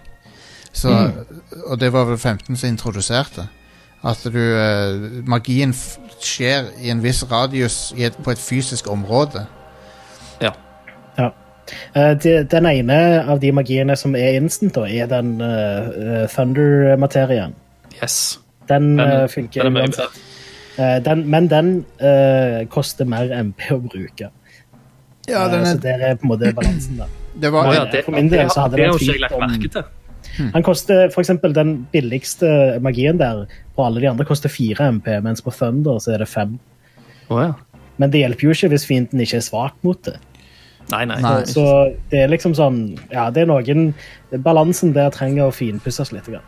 Jeg Ja. tror Så du har, du har iallfall fire elementer som går igjen da, i, i magien. Der det er som, eh, som Pokémon. Så har du ett element, så er du svak mot et annet. Jeg tror, eh, jeg tror aldri det har vært et Final Fantasy-spill der jeg har brukt sk skanning av fiender mer. Jeg har, jeg har brukt den der Assess heter det i dette spillet. Jeg, har, jeg brukte det hver eneste gang jeg så en ny fiende. Ja, ja. Det, det handler jo gjerne litt òg om at det er en subquest-line som krever at du skanner fiender òg, da. Jo, jo, absolutt. Men, Men- det, var, det var bare greit å vite hva som var svakheten, for det er så lett, mye lettere å ta de da. Ja. Og det er jo bare i begynnelsen, og det er jo bare for å lære deg at SS er en ting. Ja. Mm. hvordan du skal bruke det. Så, men det er jo faktisk et veldig nyttig verktøy. Jeg endte opp med å bruke det veldig mye. Jeg, ja. Mm. Og så eh, Alle har jo sin på en måte fighting style, sant? Yep. Mm. Cloud, Cloud er jo liksom eh, up your face og driver og hack and slasher med sverdet sitt. Tifa er jo mer sånn eh, stagger queen eh, med Ja. liksom komboer og eh, martial arts og kan bøffe seg sjøl. Barrett er jo long distance uh, og med gunarmen. Mm. Uh, og Erit, eh, eller Eris, er jo eh, eh, healeren da i gruppa, men òg en ganske heftig mage, hvis du Ja, hun er den sterkeste magen. Så både damage dealer og heal er hun Hun, hun kan også- hun kan òg staggere ganske bra av og til. Med, Ja. med det vanlige angrepet sitt la jeg merke til at det bare er shit. Det var Men hennes angrep tar litt lengre tid òg. For Ja. hun gjør den der lille dansen hennes, eller hva søren. Så. Ja, men hun er Ta en liten søt. Men, men det som er kult, da, det, og dette er en sånn liten detalj som eh, jeg tenkte på, er jo Cloud han har jo to forskjellige stances. Ja. Sant? Han har den vanlige, og så har han noe som heter hva er det, Punisher. Punisher. Ja. mode. Ja. Uh, og da, uh, hvis du har blokker i Punisher mode, og noen slår deg, så tar du en counterattack. Og det gjør jo jævlig mye damage. Og det er en del boss, bossfighter faktisk, der du bør bruke den stansen, Yep. den uh, strategien, for å gjøre kampen enklere. Og det digget jeg. Sant? Ja, det da var det liksom sånn. Yes, endelig så har de forstått noe. Men en bitte liten fun fact er jo at eh, den vanlige stansen til Cloud Eh, Det er jo selvfølgelig stansen som han bruker i det originale spillet eh, på Ah. Battlefielden. Men det, det er jo òg en stans som kommer fra um, denne Zack-karakteren som vi snakket om Ja. i Crisis Score.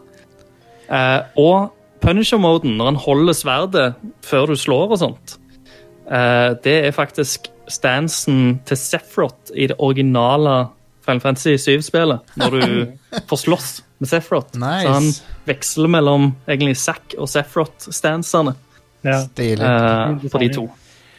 Det er en Um, liten detalj som er ganske kul. Så nå, har vi trukket fram combaten og verdenen eh, som er fantastisk realisert. Rollefigurene både ser og oppfører seg sånn som du forventer, og sånn som du husker liksom, Sånn som de i hodet ditt er, da. Sånn i Ja, for, for det er jo liksom Det er jo det vanskelige. Det er jo sånn der en, eh, At de har fått det til å virke sånn, sånn som du liksom Når du husker tilbake, sant? når du drømte om dette her spillet, så så det sånn ut. Midgard var sånn, og det så Altså, Ja, ja. det var sånn det funka. At de har klart å fange det. Akkurat det samme sa jeg egentlig om Resident Evil 2-remaken. ja. At det er sånn Det, det, det føles akkurat som om du, som du husker det, da. Eh, bare mer detaljert, selvfølgelig. Jeg nevnte det vel så vidt forrige episode òg, men det uh, Midgard jeg, jeg digger det å få en følelse av eh, hvordan byen henger sammen geografisk. Ja. Og det, for det, det, har du ikke, det har du ikke i syveren opprinnelig. Nei, altså du har liksom bitte litt på den togturen i starten, så får du se Ja. litt av det. Ja. Men, eh, men ja, de, de gjør ikke en sånn kjempegod jobb av å liksom etablere de under denne pizzaen når de er over. Nei, nei, og her, her kan du bare se opp, og så ser du. Og, og de selger eh, liksom skalaen på det. Ja, det gjør de absolutt. Og eh, det er noe magisk, da, fordi at etter demoen slapp, eh, så holdt jeg meg vekke fra alt sånn eh, markedsføringsmaterial, trailere, TV-spots, alt i sammen. Eh, fordi jeg hadde ikke lyst til å bli spoila mer. Og fram til det punktet så hadde de vist ekstremt lite egentlig gameplay, bortsett fra da første bombing mission. Ja. Eh, Så når jeg da kom første gang inn i denne eh, sektor 7 og, og vandra rundt og så denne jævla plata over deg det var, det var noe så sinnssykt eh, mektig over det inntrykket der. Ja, det som, jeg tror jeg hadde, som jeg hadde ødelagt for meg sjøl hvis jeg hadde sett uh, trailerne. Ja, jeg er helt enig. Det var nytt for meg òg når jeg så det. Og jeg, jeg, jeg stirra på det en stund, for det var sånn shit. Det, var, det føles som at de har bygd eh, et, et, et du, du, Altså, du, du, kjøper, du kjøper det stedet, da. Jeg Men- vil si motsatt av det, faktisk. OK. Altså, for meg jeg, jeg vet ikke om det er fordi jeg spiller på det 4K-TV, men for meg så er det veldig åpenbart at eh, den plata du ser i bakgrunnen, er en 2D-asset. Oh, ja. ja det er oppløsning enn det han burde være. jeg ser jo at det er det, men samtidig så funker det for meg. Så det er sånn, whatever. Det, Altså, I tillegg så syns jeg grafikken var ganske ujevn. Det er veldig mange plasser hvor det er sånn det ser ut som dette ikke har loada inn skikkelig. Eller det ser ut som det, denne gryta her er åttekanta, liksom. Det, I Ja, det- for at den er Det er, rund, veld, liksom. det er veldig mange plasser der det er uh, low-rest teksturer uh, Ja. over skikkelig blurry ting. Uh, og det har jeg lagt merke til, jeg òg. Jeg er jo ikke noen sånn der en uh, pikselhore som Thomas Jørgensen er. Men, eh, men til og med jeg plagtes av og til med det. Men jeg, jeg prøvde liksom bare å dytte det unna, så jeg ikke vil liksom Jeg vil ikke det, la det forringe opplevelsen. da. nei, det, Også, det, Det eneste jeg tenkte, var at dette kommer jo til å se magisk ut på PC. For da kommer Oh, jo de yes. te teksturene til å være fiksa. Eller PS5 når det, når det Ja, ja, eller PS5. For det kommer jo ut der, og s- liksom samtidig med hva nå enn neste episode blir, så kommer det sikkert en PS5-versjon. Og så har du jo òg selvfølgelig karaktermodellene. Alle karaktermodellene i liksom personene og sånn ser dritbra ut. Ja. Så går det ser helt amazing ut. NPC-ene. Ja, det, er, det er nok noen av de beste Altså Hovedgalleriet er nok noen av de beste karaktermodellene jeg har sett noe, tror jeg. Altså, du kan, eh, hvis du går inntil liksom, veggen, da, sant? sånn som kameraet bare kommer liksom, helt opp i trynet på karaktermodellen in game eh, Håret til Cloud Ja, ser jo helt sinnssykt bra ut, til Ja, og med ja. der. Ja, det. Og, det, og håret er jo noe som folk har slitt med så jævla lenge å få til bra Mm. i spill. Ja, det, det er til og med sånn at det, det er av og til vanskelig å se hvor overgangen er mellom prerendra sekvenser, som det er et par av i spillet, Ja. og in game-grafikk. Ja, forresten, Ja. la dere merke til De gjør nøyaktig samme trikset uh, i, uh, i originalen. Når du er på toget, så, så, så går de rett fra cutscene og så inn i gameplay. Um, og det gjør de i 1997-spillet. Og så gjør de det nøyaktig samme her. Det syns jeg var dritkult. det er samme Det er jo ja. Det er jo en, eh, det er jo også en scene der uh, Cloud bare går ut fra, en, um, fra rommet hans, der han bor. ja. Og så ser han bortover byen, og så panner bildet opp. Og så plutselig så kommer det inn noen sånn CGI-duer som flyr inne mot Midgard. ja. Det er òg veldig sånn seamless. Crazy. Og så altså, Jeg vet jo at de opererer med cutscene-modeller og in game-modeller og sånn, men de eh, Og så har de, de har vel tre ting de gjør. De har vel in game-modeller, så har de cutscene-modeller in engine, og så har de prerendra modeller. Så vidt jeg kunne se, så var det de tre variantene. Men eh, selv de in engine cutscenene, når du ser close-up av fjeset til, til karakterene, det ser så vilt bra ut. Ja, det gjør det. Uh, men du kan se inn i øynene på dem. det, det se- Ja. ser helt sykt ut. Uh, så ja, de føles bare som levende folk.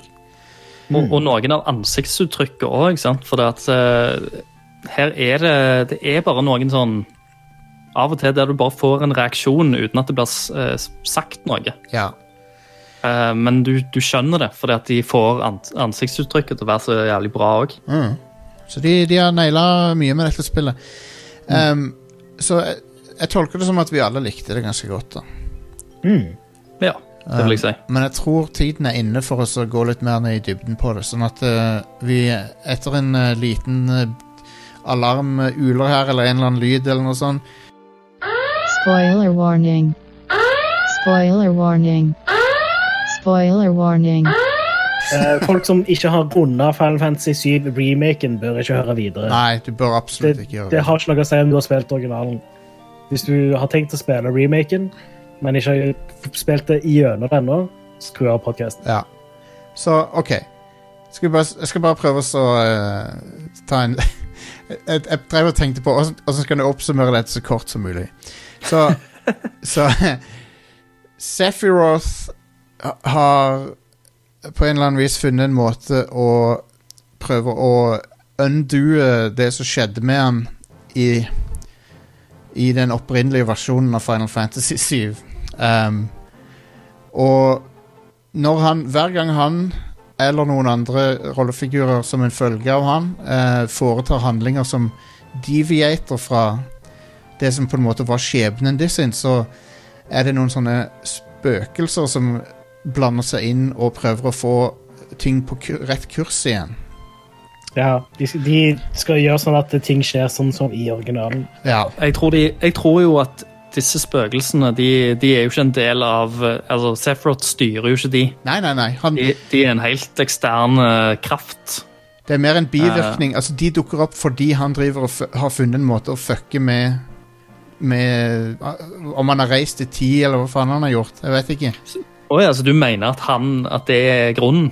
Jeg, jeg tenkte jeg, jeg vet ikke helt sikkert, men jeg tenkte kanskje at det er han som er motivert til å gjøre det. Ja. for eh, det, altså, det, vet jo ikke jeg helt ennå. Det vet ikke jeg heller. Hvorfor, altså, en, hvorfor de er her. Altså, eller jeg vet jo liksom hva de holder på med, at de prøver å få de, de, de originale tingene til å skje. men det første, tegnet, det første tegnet du ser til at det er noe galt, er vel at Sethroth dukker opp der han ikke gjorde før. Eh, hvis jeg ikke tar helt feil. Jo, men eh, det er Ja, igjen. Det er komplisert historie, dette her Ja, greiene. Altså, jeg kan Men- ikke garantere at det er han som starta det, men uansett så er det, er det et, Ting begynner å skje på andre måter enn det det, det gjorde.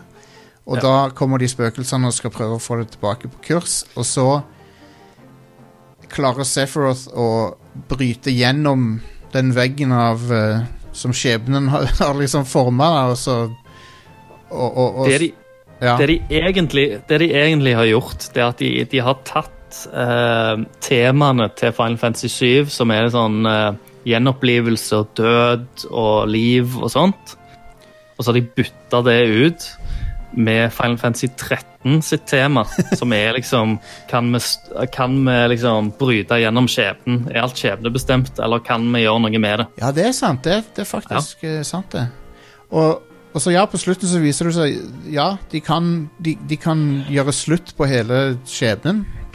Ja, Eh, du ender opp med å myrde skjebnen din. ja. du, du gjør det.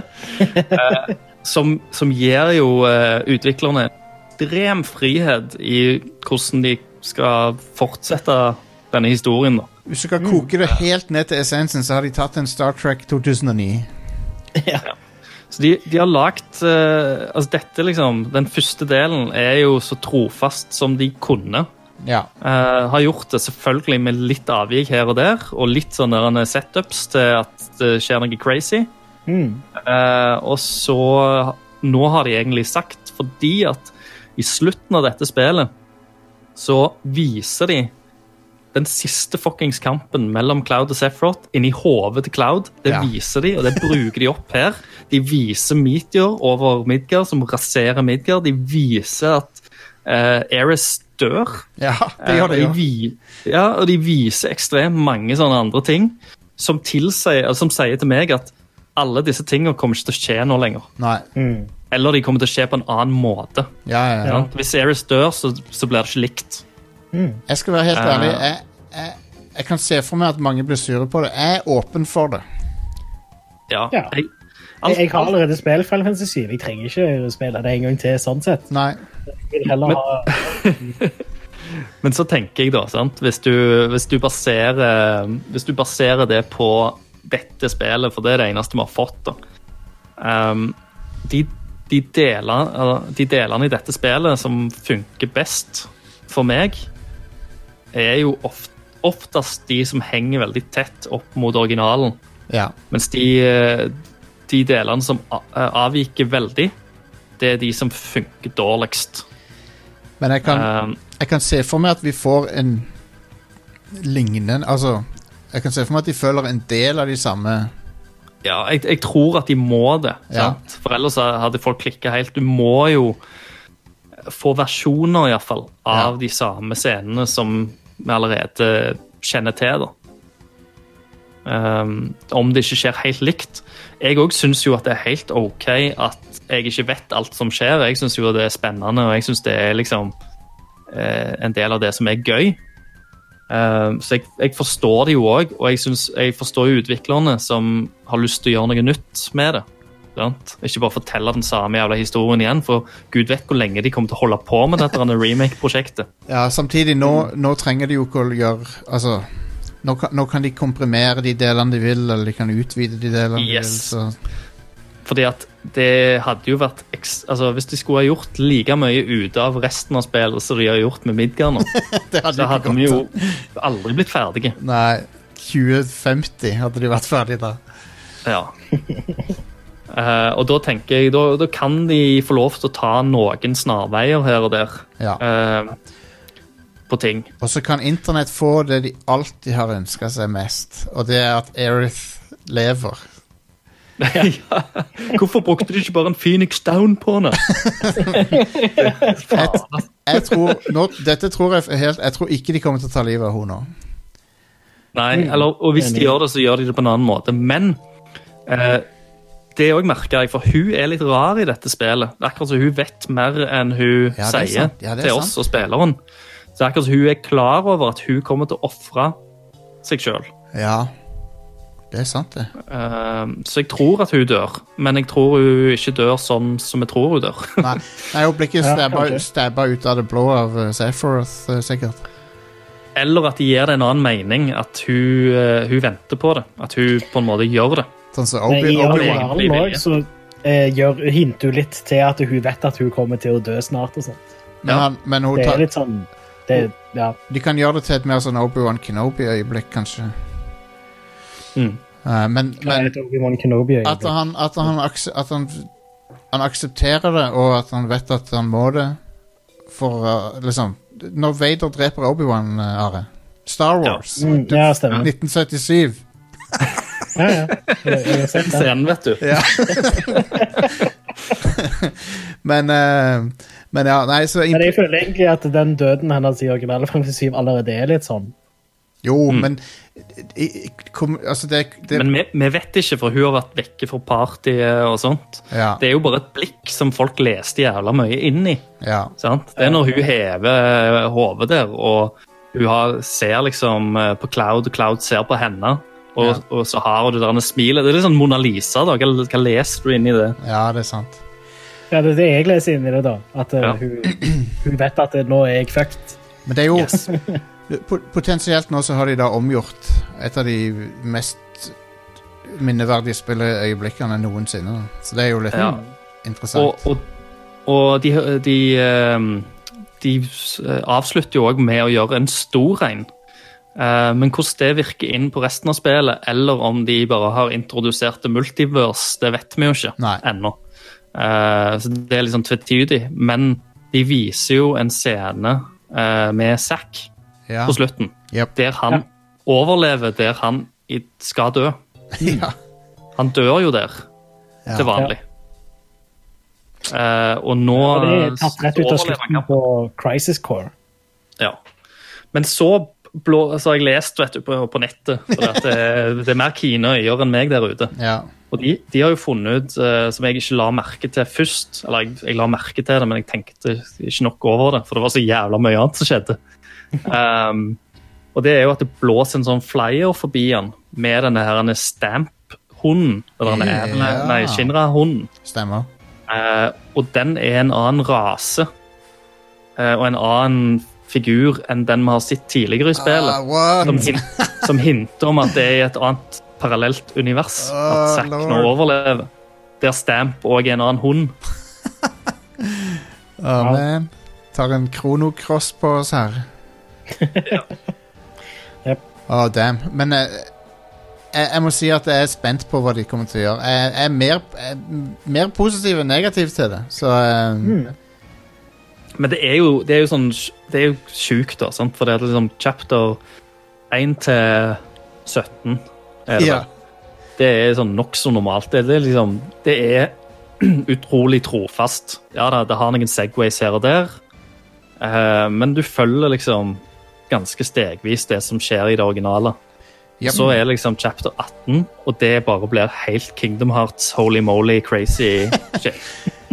Det- Da er, det, da er det faen skjebnen som du skal slåss mot, og det er, du får kampen med Sephiroth, og da Og den kampen var Hva er det som skjer? fan-fucking-tastic. Den kampen, den eide hardt, syns jeg.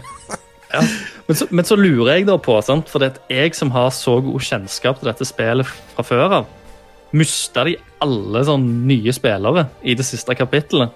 For det er så jævlig mye rart som skjer der. Det, som, det er jeg tar jo alle referansene, Ja, men ja. Det er gjør noen andre det. det er fullstendig meningsløst hvis du er nyspiller. Ja. Ja. Um, men, jeg, men jeg vet ikke. Men den, det boss gauntleten som du går gjennom på slutten, den var, var stort sett ganske kul, syns jeg. Sp eh, eneste jeg syns at den highway-sekvensen var litt for lang, men Ja. Men eh, Genova var awesome boss, syns jeg. Genova var, var kul. Uh, jeg digga Rufus-fighten.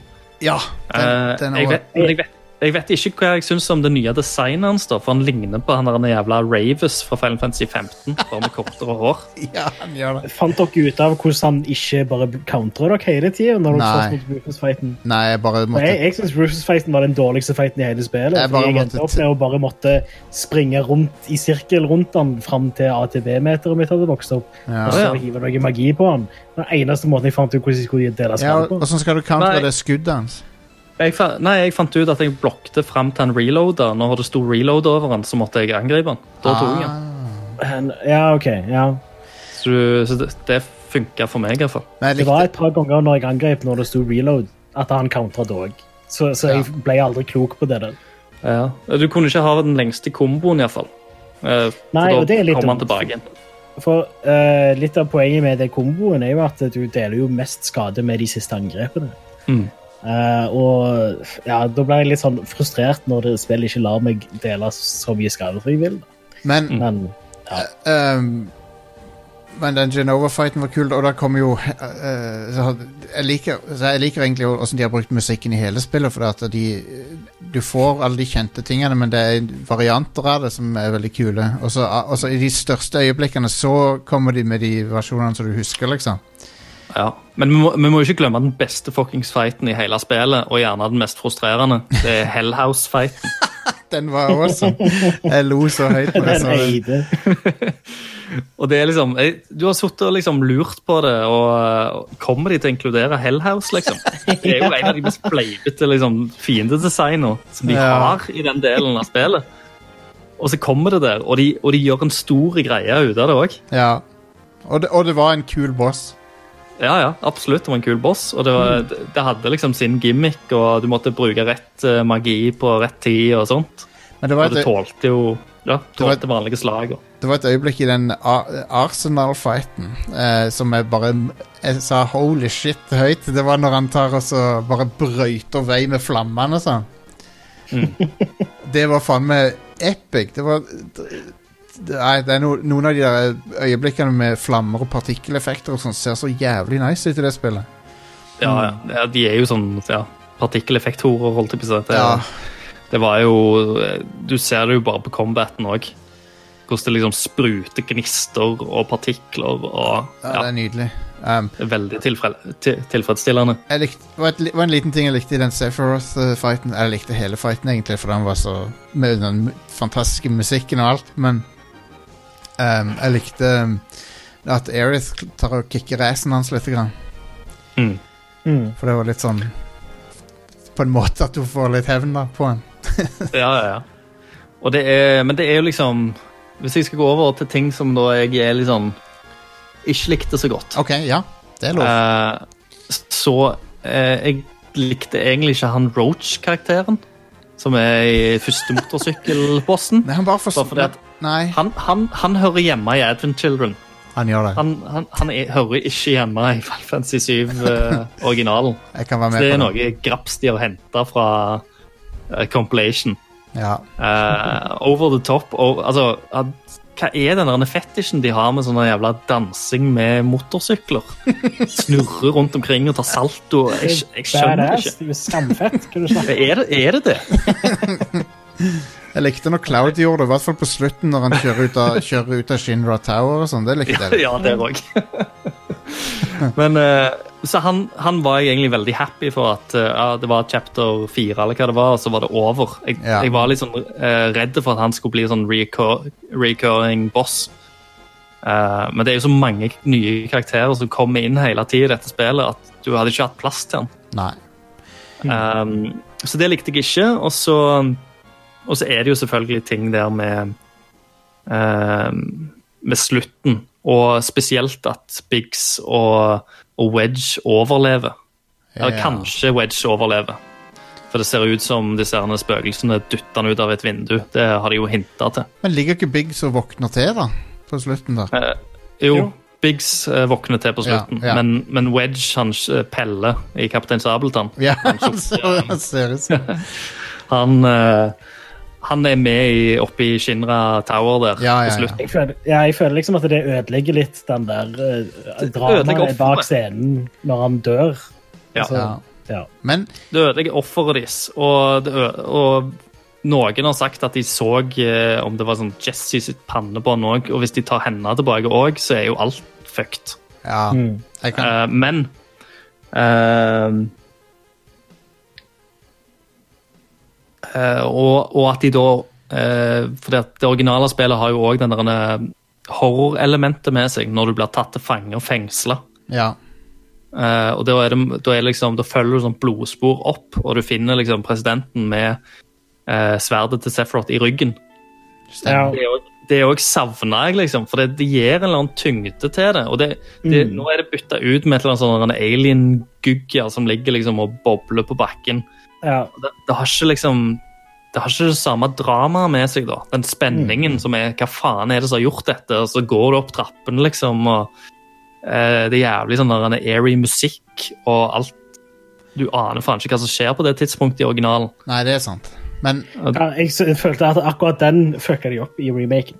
Mm. Det er en av de få tingene jeg syns de bare snubla helt på. Men, selv, men når du fikk se selve Genova, eller Genova Dreamweaver, som de kalte den Ja, det var, for det, og ja. det, er jo, det er jo det dumme, for de, altså, der er det jo sånn horrorelementer. Både i Dreamweaver, designet spesielt, og så har du òg eh, denne Hojo-eksperimentet som du slåss mot, Ja. som er liksom ligner litt. Det har òg sånn skjelett- og mye sånn organisk masse.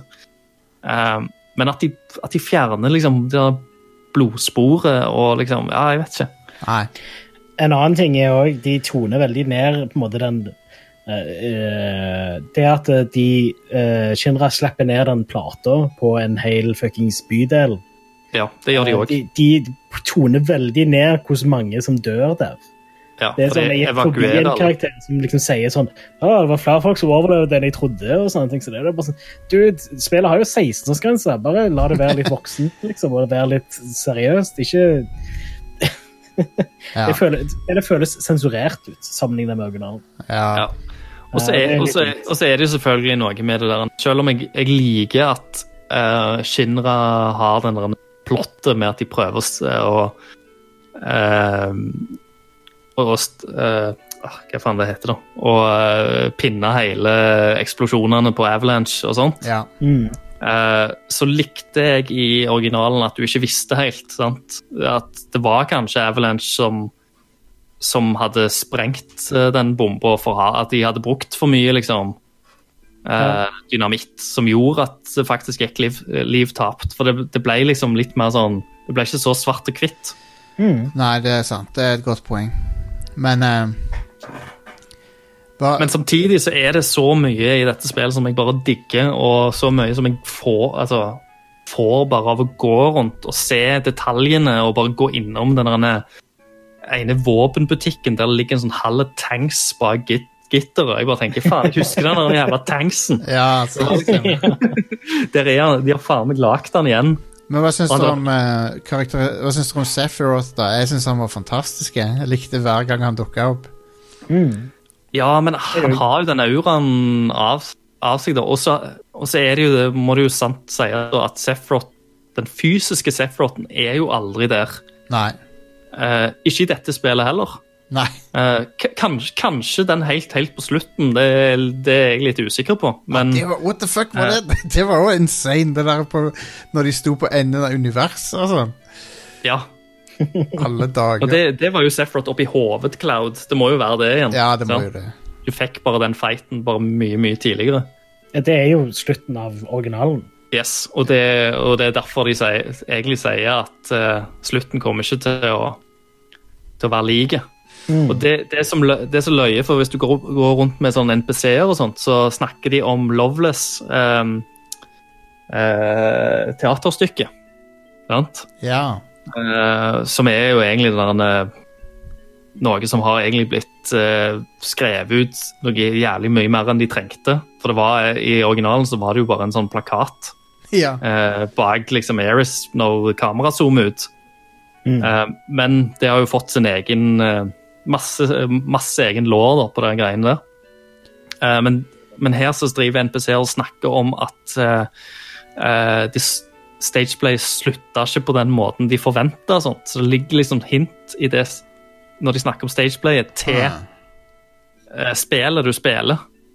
Jøss. Det er jo mange plasser det er, ja, det er mange plasser også det føles litt sånn meta, der karakterene snakker nærmest mer til skuespilleren, eller til spillerne, enn og fansa enn de gjør til seg sjøl. Det Ja, ja. det er interessant. Jeg, jeg må si at det er litt kult at de har gått i denne retningen her. Det, om de hadde liksom remake av spillet 100% så hadde det nesten vært litt skuffende. På en Ja, måte. Jeg, jeg tror jeg håper at jeg liker det litt mer sånn som dette. Iallfall den første delen har nok av det originale i seg. Ja. til at jeg, føler, altså jeg blir ennå jævlig glad når de, når de går den ruta. Samtidig så syns jeg det er gøy at du ikke helt vet hva som kommer til å skje. Ja. ja, hvis de fortsetter å gjøre det, hvis de fortsetter å følge de noenlunde samme beatsene, men du vet aldri når, når det kan deviate, da. Mm. Det hadde Og, vært det, gøy. og det, det tror jeg kan være gøy, da. Hvis, hvis oppfølgerne klarer liksom å, følge, å være såpass tro allikevel til originalen som, som denne delen har vært. Ja. Uh, men samtidig selvfølgelig gjør litt nye ting underveis, så er jeg all in. Og så må vi få golden saucer. øh. Jeg vet ikke om det blir neste spill, eller Nei, det er vanskelig å si. Eller om tredje spill. Det spørs hvor mye de skal gjøre. da. Ja, det er sant. Cosmo Canyon. Cosmo Canyon, ja, selvfølgelig. Ja, og så skal du ha hele Nibelheim-historien. Jeg, jeg, jeg hadde alltid sett for meg at eh, part to, eh, åpningssekvensen der, var at eh, eh, Cloud og Sephiroth sitter bak i en bil på vei til Nibelheim. Ja. Og diskuterer, og så er det liksom forhistorien, og så spiller du gjennom hele Nibelheim-sekvensen. Og så blir det sånn flash forward, og så er de i Kolm, og så har Cloud egentlig fortalt eh, gjengen hele historien av Ja, uh, hva som skjedde. Uh. Men men uh, vi, får, vi får se, da. Etter denne slutten så, tror så vet jeg ikke helt om det kan starte der allikevel. Nei, Nei. det er jo helt Det er ganske crazy, men samtidig så er det jo noe reboots har gjort først, før. Og det, det, jeg tenkte jo som sagt på Star Trek i 2009 med en gang. Og så lurer jeg jo på hvor mye fanfeedback kan ha å si. nå. Ja. Om liksom, hvis, hvis det viser seg det, til at liksom fans bare hater dette, eh, vil de da tone det ned i del to, eller bare kjører de på og tenker fuck it? Jeg håper de ikke toner det ned for mye, men uh, For de har jo lagt opp til noe Altså, de kan ikke gå tilbake på det igjen. Det kan de ikke gjøre. Nei, det, det går jo ikke. Um, Med mindre vi hopper til original-timelinen igjen, da. I det, jeg, hadde, jeg hadde nesten likt om det, at de ikke kunne gå tilbake. Det hadde jeg likt mer. mm. Fordi de sier jo det når vi går igjennom denne tunnelen her, og hvis vi vinner, så vil, vil vi bli Vi vil endres. Ja, ja. Vi vil ikke være de samme folka lenger. Du, det er jo litt sånn som i uh, Twin Peaks sesong 3, det, når han uh, helt på slutten, han Cooper uh, går, går gjennom, og så Så blir han en litt sånn rar Ja. versjon av seg sjøl. Og, og, og, så, og så er det jo teorier som kommer, da. sant? For det at hvis de virkelig vil gå crazy med dette her greiene, Ja. så kan de dra inn en ond versjon av Cloud fra et annet univers, et parallelt univers, der alt har gått til helvete, og Cloud må slå, slåss mot seg sjøl ja og andre karakterer. jeg er åpen for det meste. Så lenge det er bra, det er bra fortalt, så er jeg åpen for alt. Og, og da tenker jeg, da er det jo ikke en remake lenger, Nei, det er ikke, egentlig. det, er ikke det. Jesus. Nei. Men altså, for all del, jeg, jeg storkoste meg gjennom mesteparten av spillet, og sjøl når det ble crazy, så, så var jeg på en måte klar for at det skulle komme noe. Ja. Det er første, første gangen de hintet til det, for at eh, Cloud har jo disse uh, hovedverkene sine, Ja, ja. I mesteparten i starten så er det sånn, det er jo flashbacks fra Nibelheim og Brann og Sefrot og Bor og alt sammen, men etter han liksom treffer Eris, så har han plutselig et flash forward. Ja. Et Veldig, veldig veldig kort flash forward der holy-materien bare spretter av bakken. Oh, ja. Eh, og der tenkte jeg jo, hva faen var dette her? For alt, har, alt fram til dette punktet har vært tilbake i tid. Og nå, hvorfor får han et flash forward? Hvorfor vet han hva som kommer til å skje? Ikke Sant? Og, og fra det punktet så satt jeg med litt sånn knute i magen på at de kommer til, de kommer til å gjøre et eller annet stort noe mot slutten av dette spillet. Åh, wow. Som potensielt da har med skjebnen til karakterene og ikke minst Eris å, å gjøre. Hørte dere forresten det klippet av han eh, standup-komikeren som eh, etterligner eh, Trump, som snakker om, om Final Fantasy 7? Nei! Skal jeg ta og spille et klipp av det, da, for det er så funny. Vent. Eric and Jason, I'm a big fan of uh, the show. You know, you're doing levels, and we're doing water levels, and those are those Yes, the best yes, yes. Mario Jeg skal gå litt fram til han begynner å snakke om Final Fantasy her. scores. You know, I get some of the best Metacritic scores that you've ever seen. I've got a lot of Metacritics, though. I've got a lot of people who don't like me. They don't like me very much. Maybe I'm right. You know what I mean? Maybe I know maybe they mean. don't like me, but uh, I've got a lot of people who like little. You know when you get a fried rice and you got and the carrots dumb. in a fried rice, you know, and everyone Yes. looks like they're made Right. of the carrots and the fried rice, you know. Now, Mr. President, you'd strike me as your favorite character would be uh, Red 13. Is that true because of the color red? You love the color red? You know, we're watching Red 13 very closely. We're watching Red 13 very closely. He lied about his name, by the way. Did you know this? Yes, I did know this. we, yeah. we got a copy of the birth certificate, and Red 13's real name is Nanaki, okay? Yes, but his Real name mother is is a Nanaki. huge. Han er en jævlig god eh, etterligning. Åh, jeg, jeg elsker Red eh, 13, by the way. Ja, han var konge! Eh, han òg var konge. Selv om han eh, kommer ganske seint inn i spillet, da, og du kan ikke bruke han som en playable character. Nei, men det, det kommer. Det kommer jo det, sikkert. Ja, Eh, men- mini, minigameser, da. Jo, jeg likte Vent litt, hvilke minigames var det? For jeg spilte dart, og der, der vant jeg. Der ble jeg nummer én. Ja, darts, og så er det jo motorsykkelriden, ja, som, som er et slags, og så er det uh, pullups.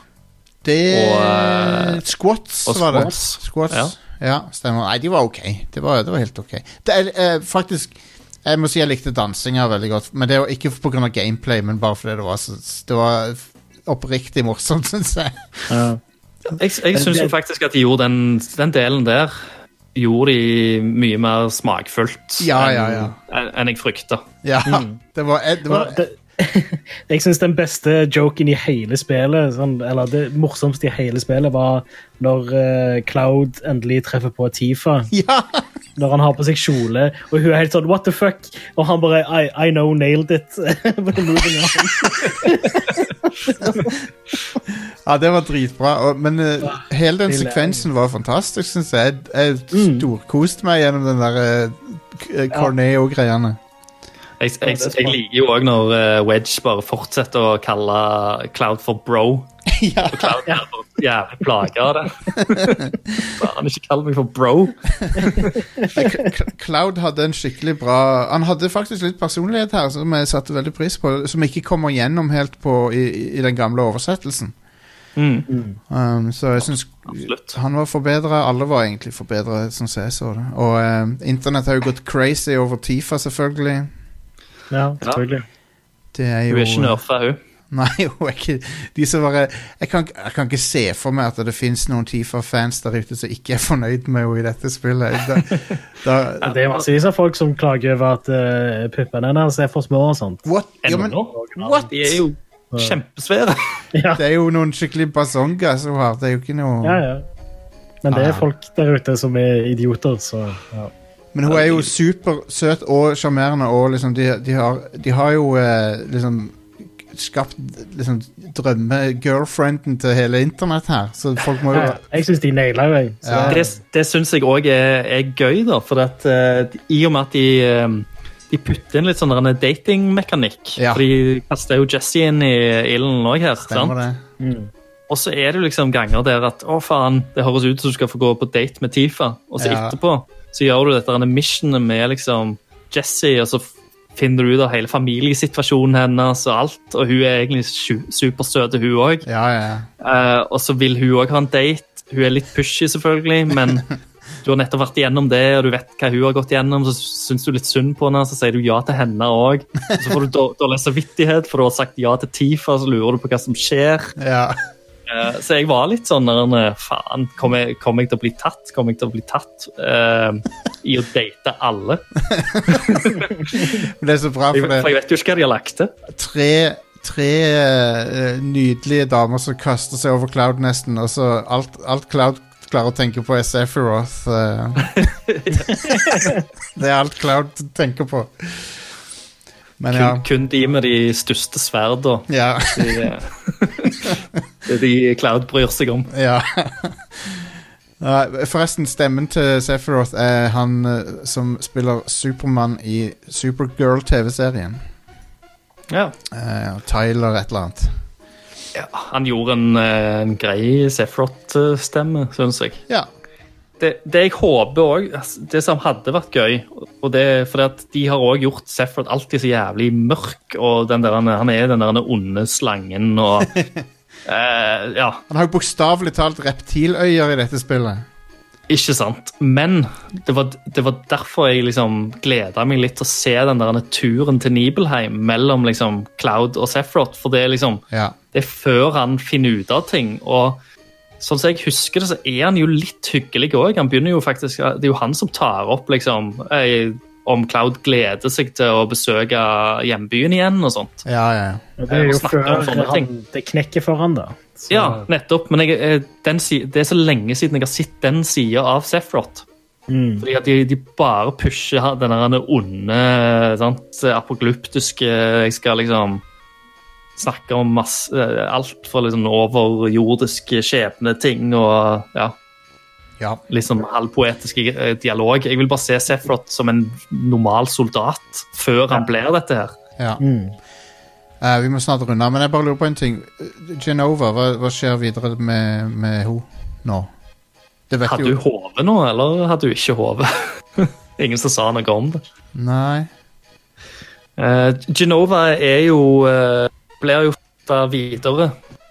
Ja. Um, fordi at Sef skal, altså den fysiske formen til Sephiroth skal jo egentlig ennå være fryst i livestreamen i, i en krystall. ja.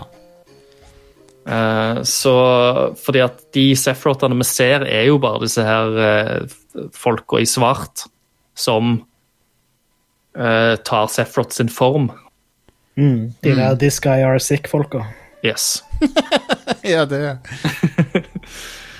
uh, de gjorde mye mer ut av den enn jeg eh, hadde forventa, for å si det sånn. Eh, men eh, nei, så jeg tenker at vi, de, de følger det de sikkert Det de tror er Sephiroth ennå, som viser seg til å være Genova, som tar Sefrot sin form. Som til slutt vil da lede dem mot liksom The Black Materia, som igjen gir den til Sephiroth. Fordi at han må jo komme seg ut fra den her jævla krystallformen på en eller annen måte. Og jeg regner med at selv om alt dette har skjedd, så så er den fysiske formen hans ennå låst en eller annen plass. Ja. Huh. Mm. Men jeg, er spent på hva som skjer videre.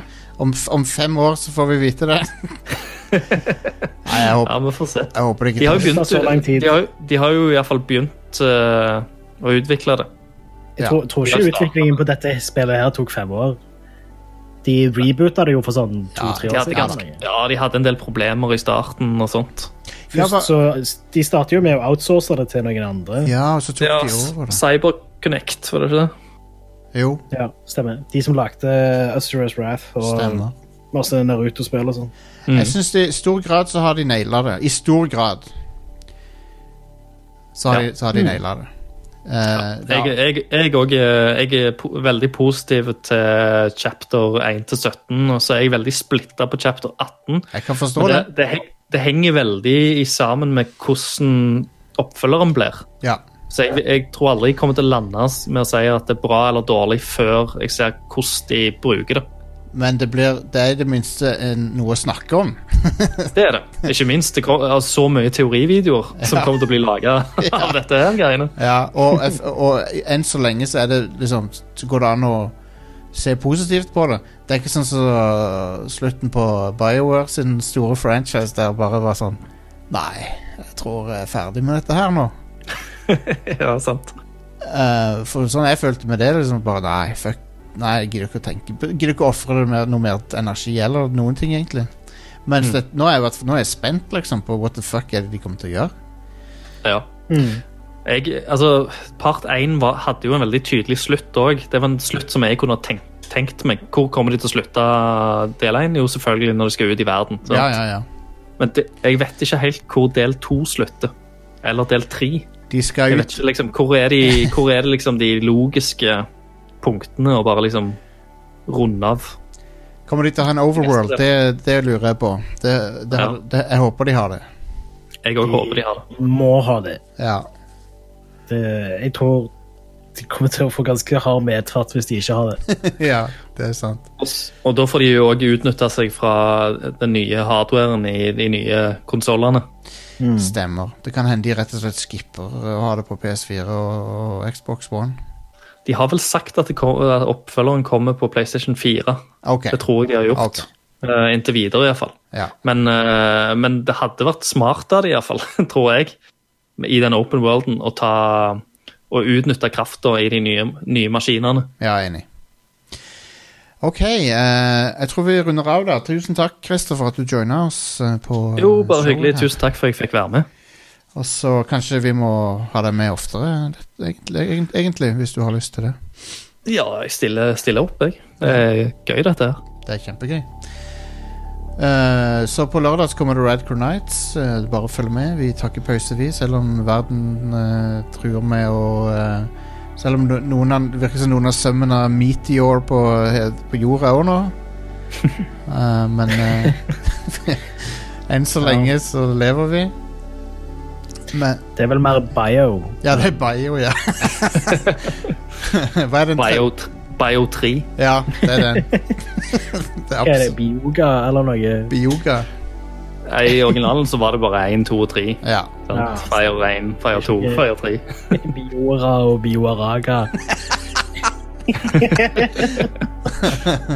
Bioga høres ut som en yoghurt. Men, eh, Ja, ja. Men ja, vi er, vi er tilbake neste uke, folkens. Så, så eh, snakkes da. Hei da. Ha det.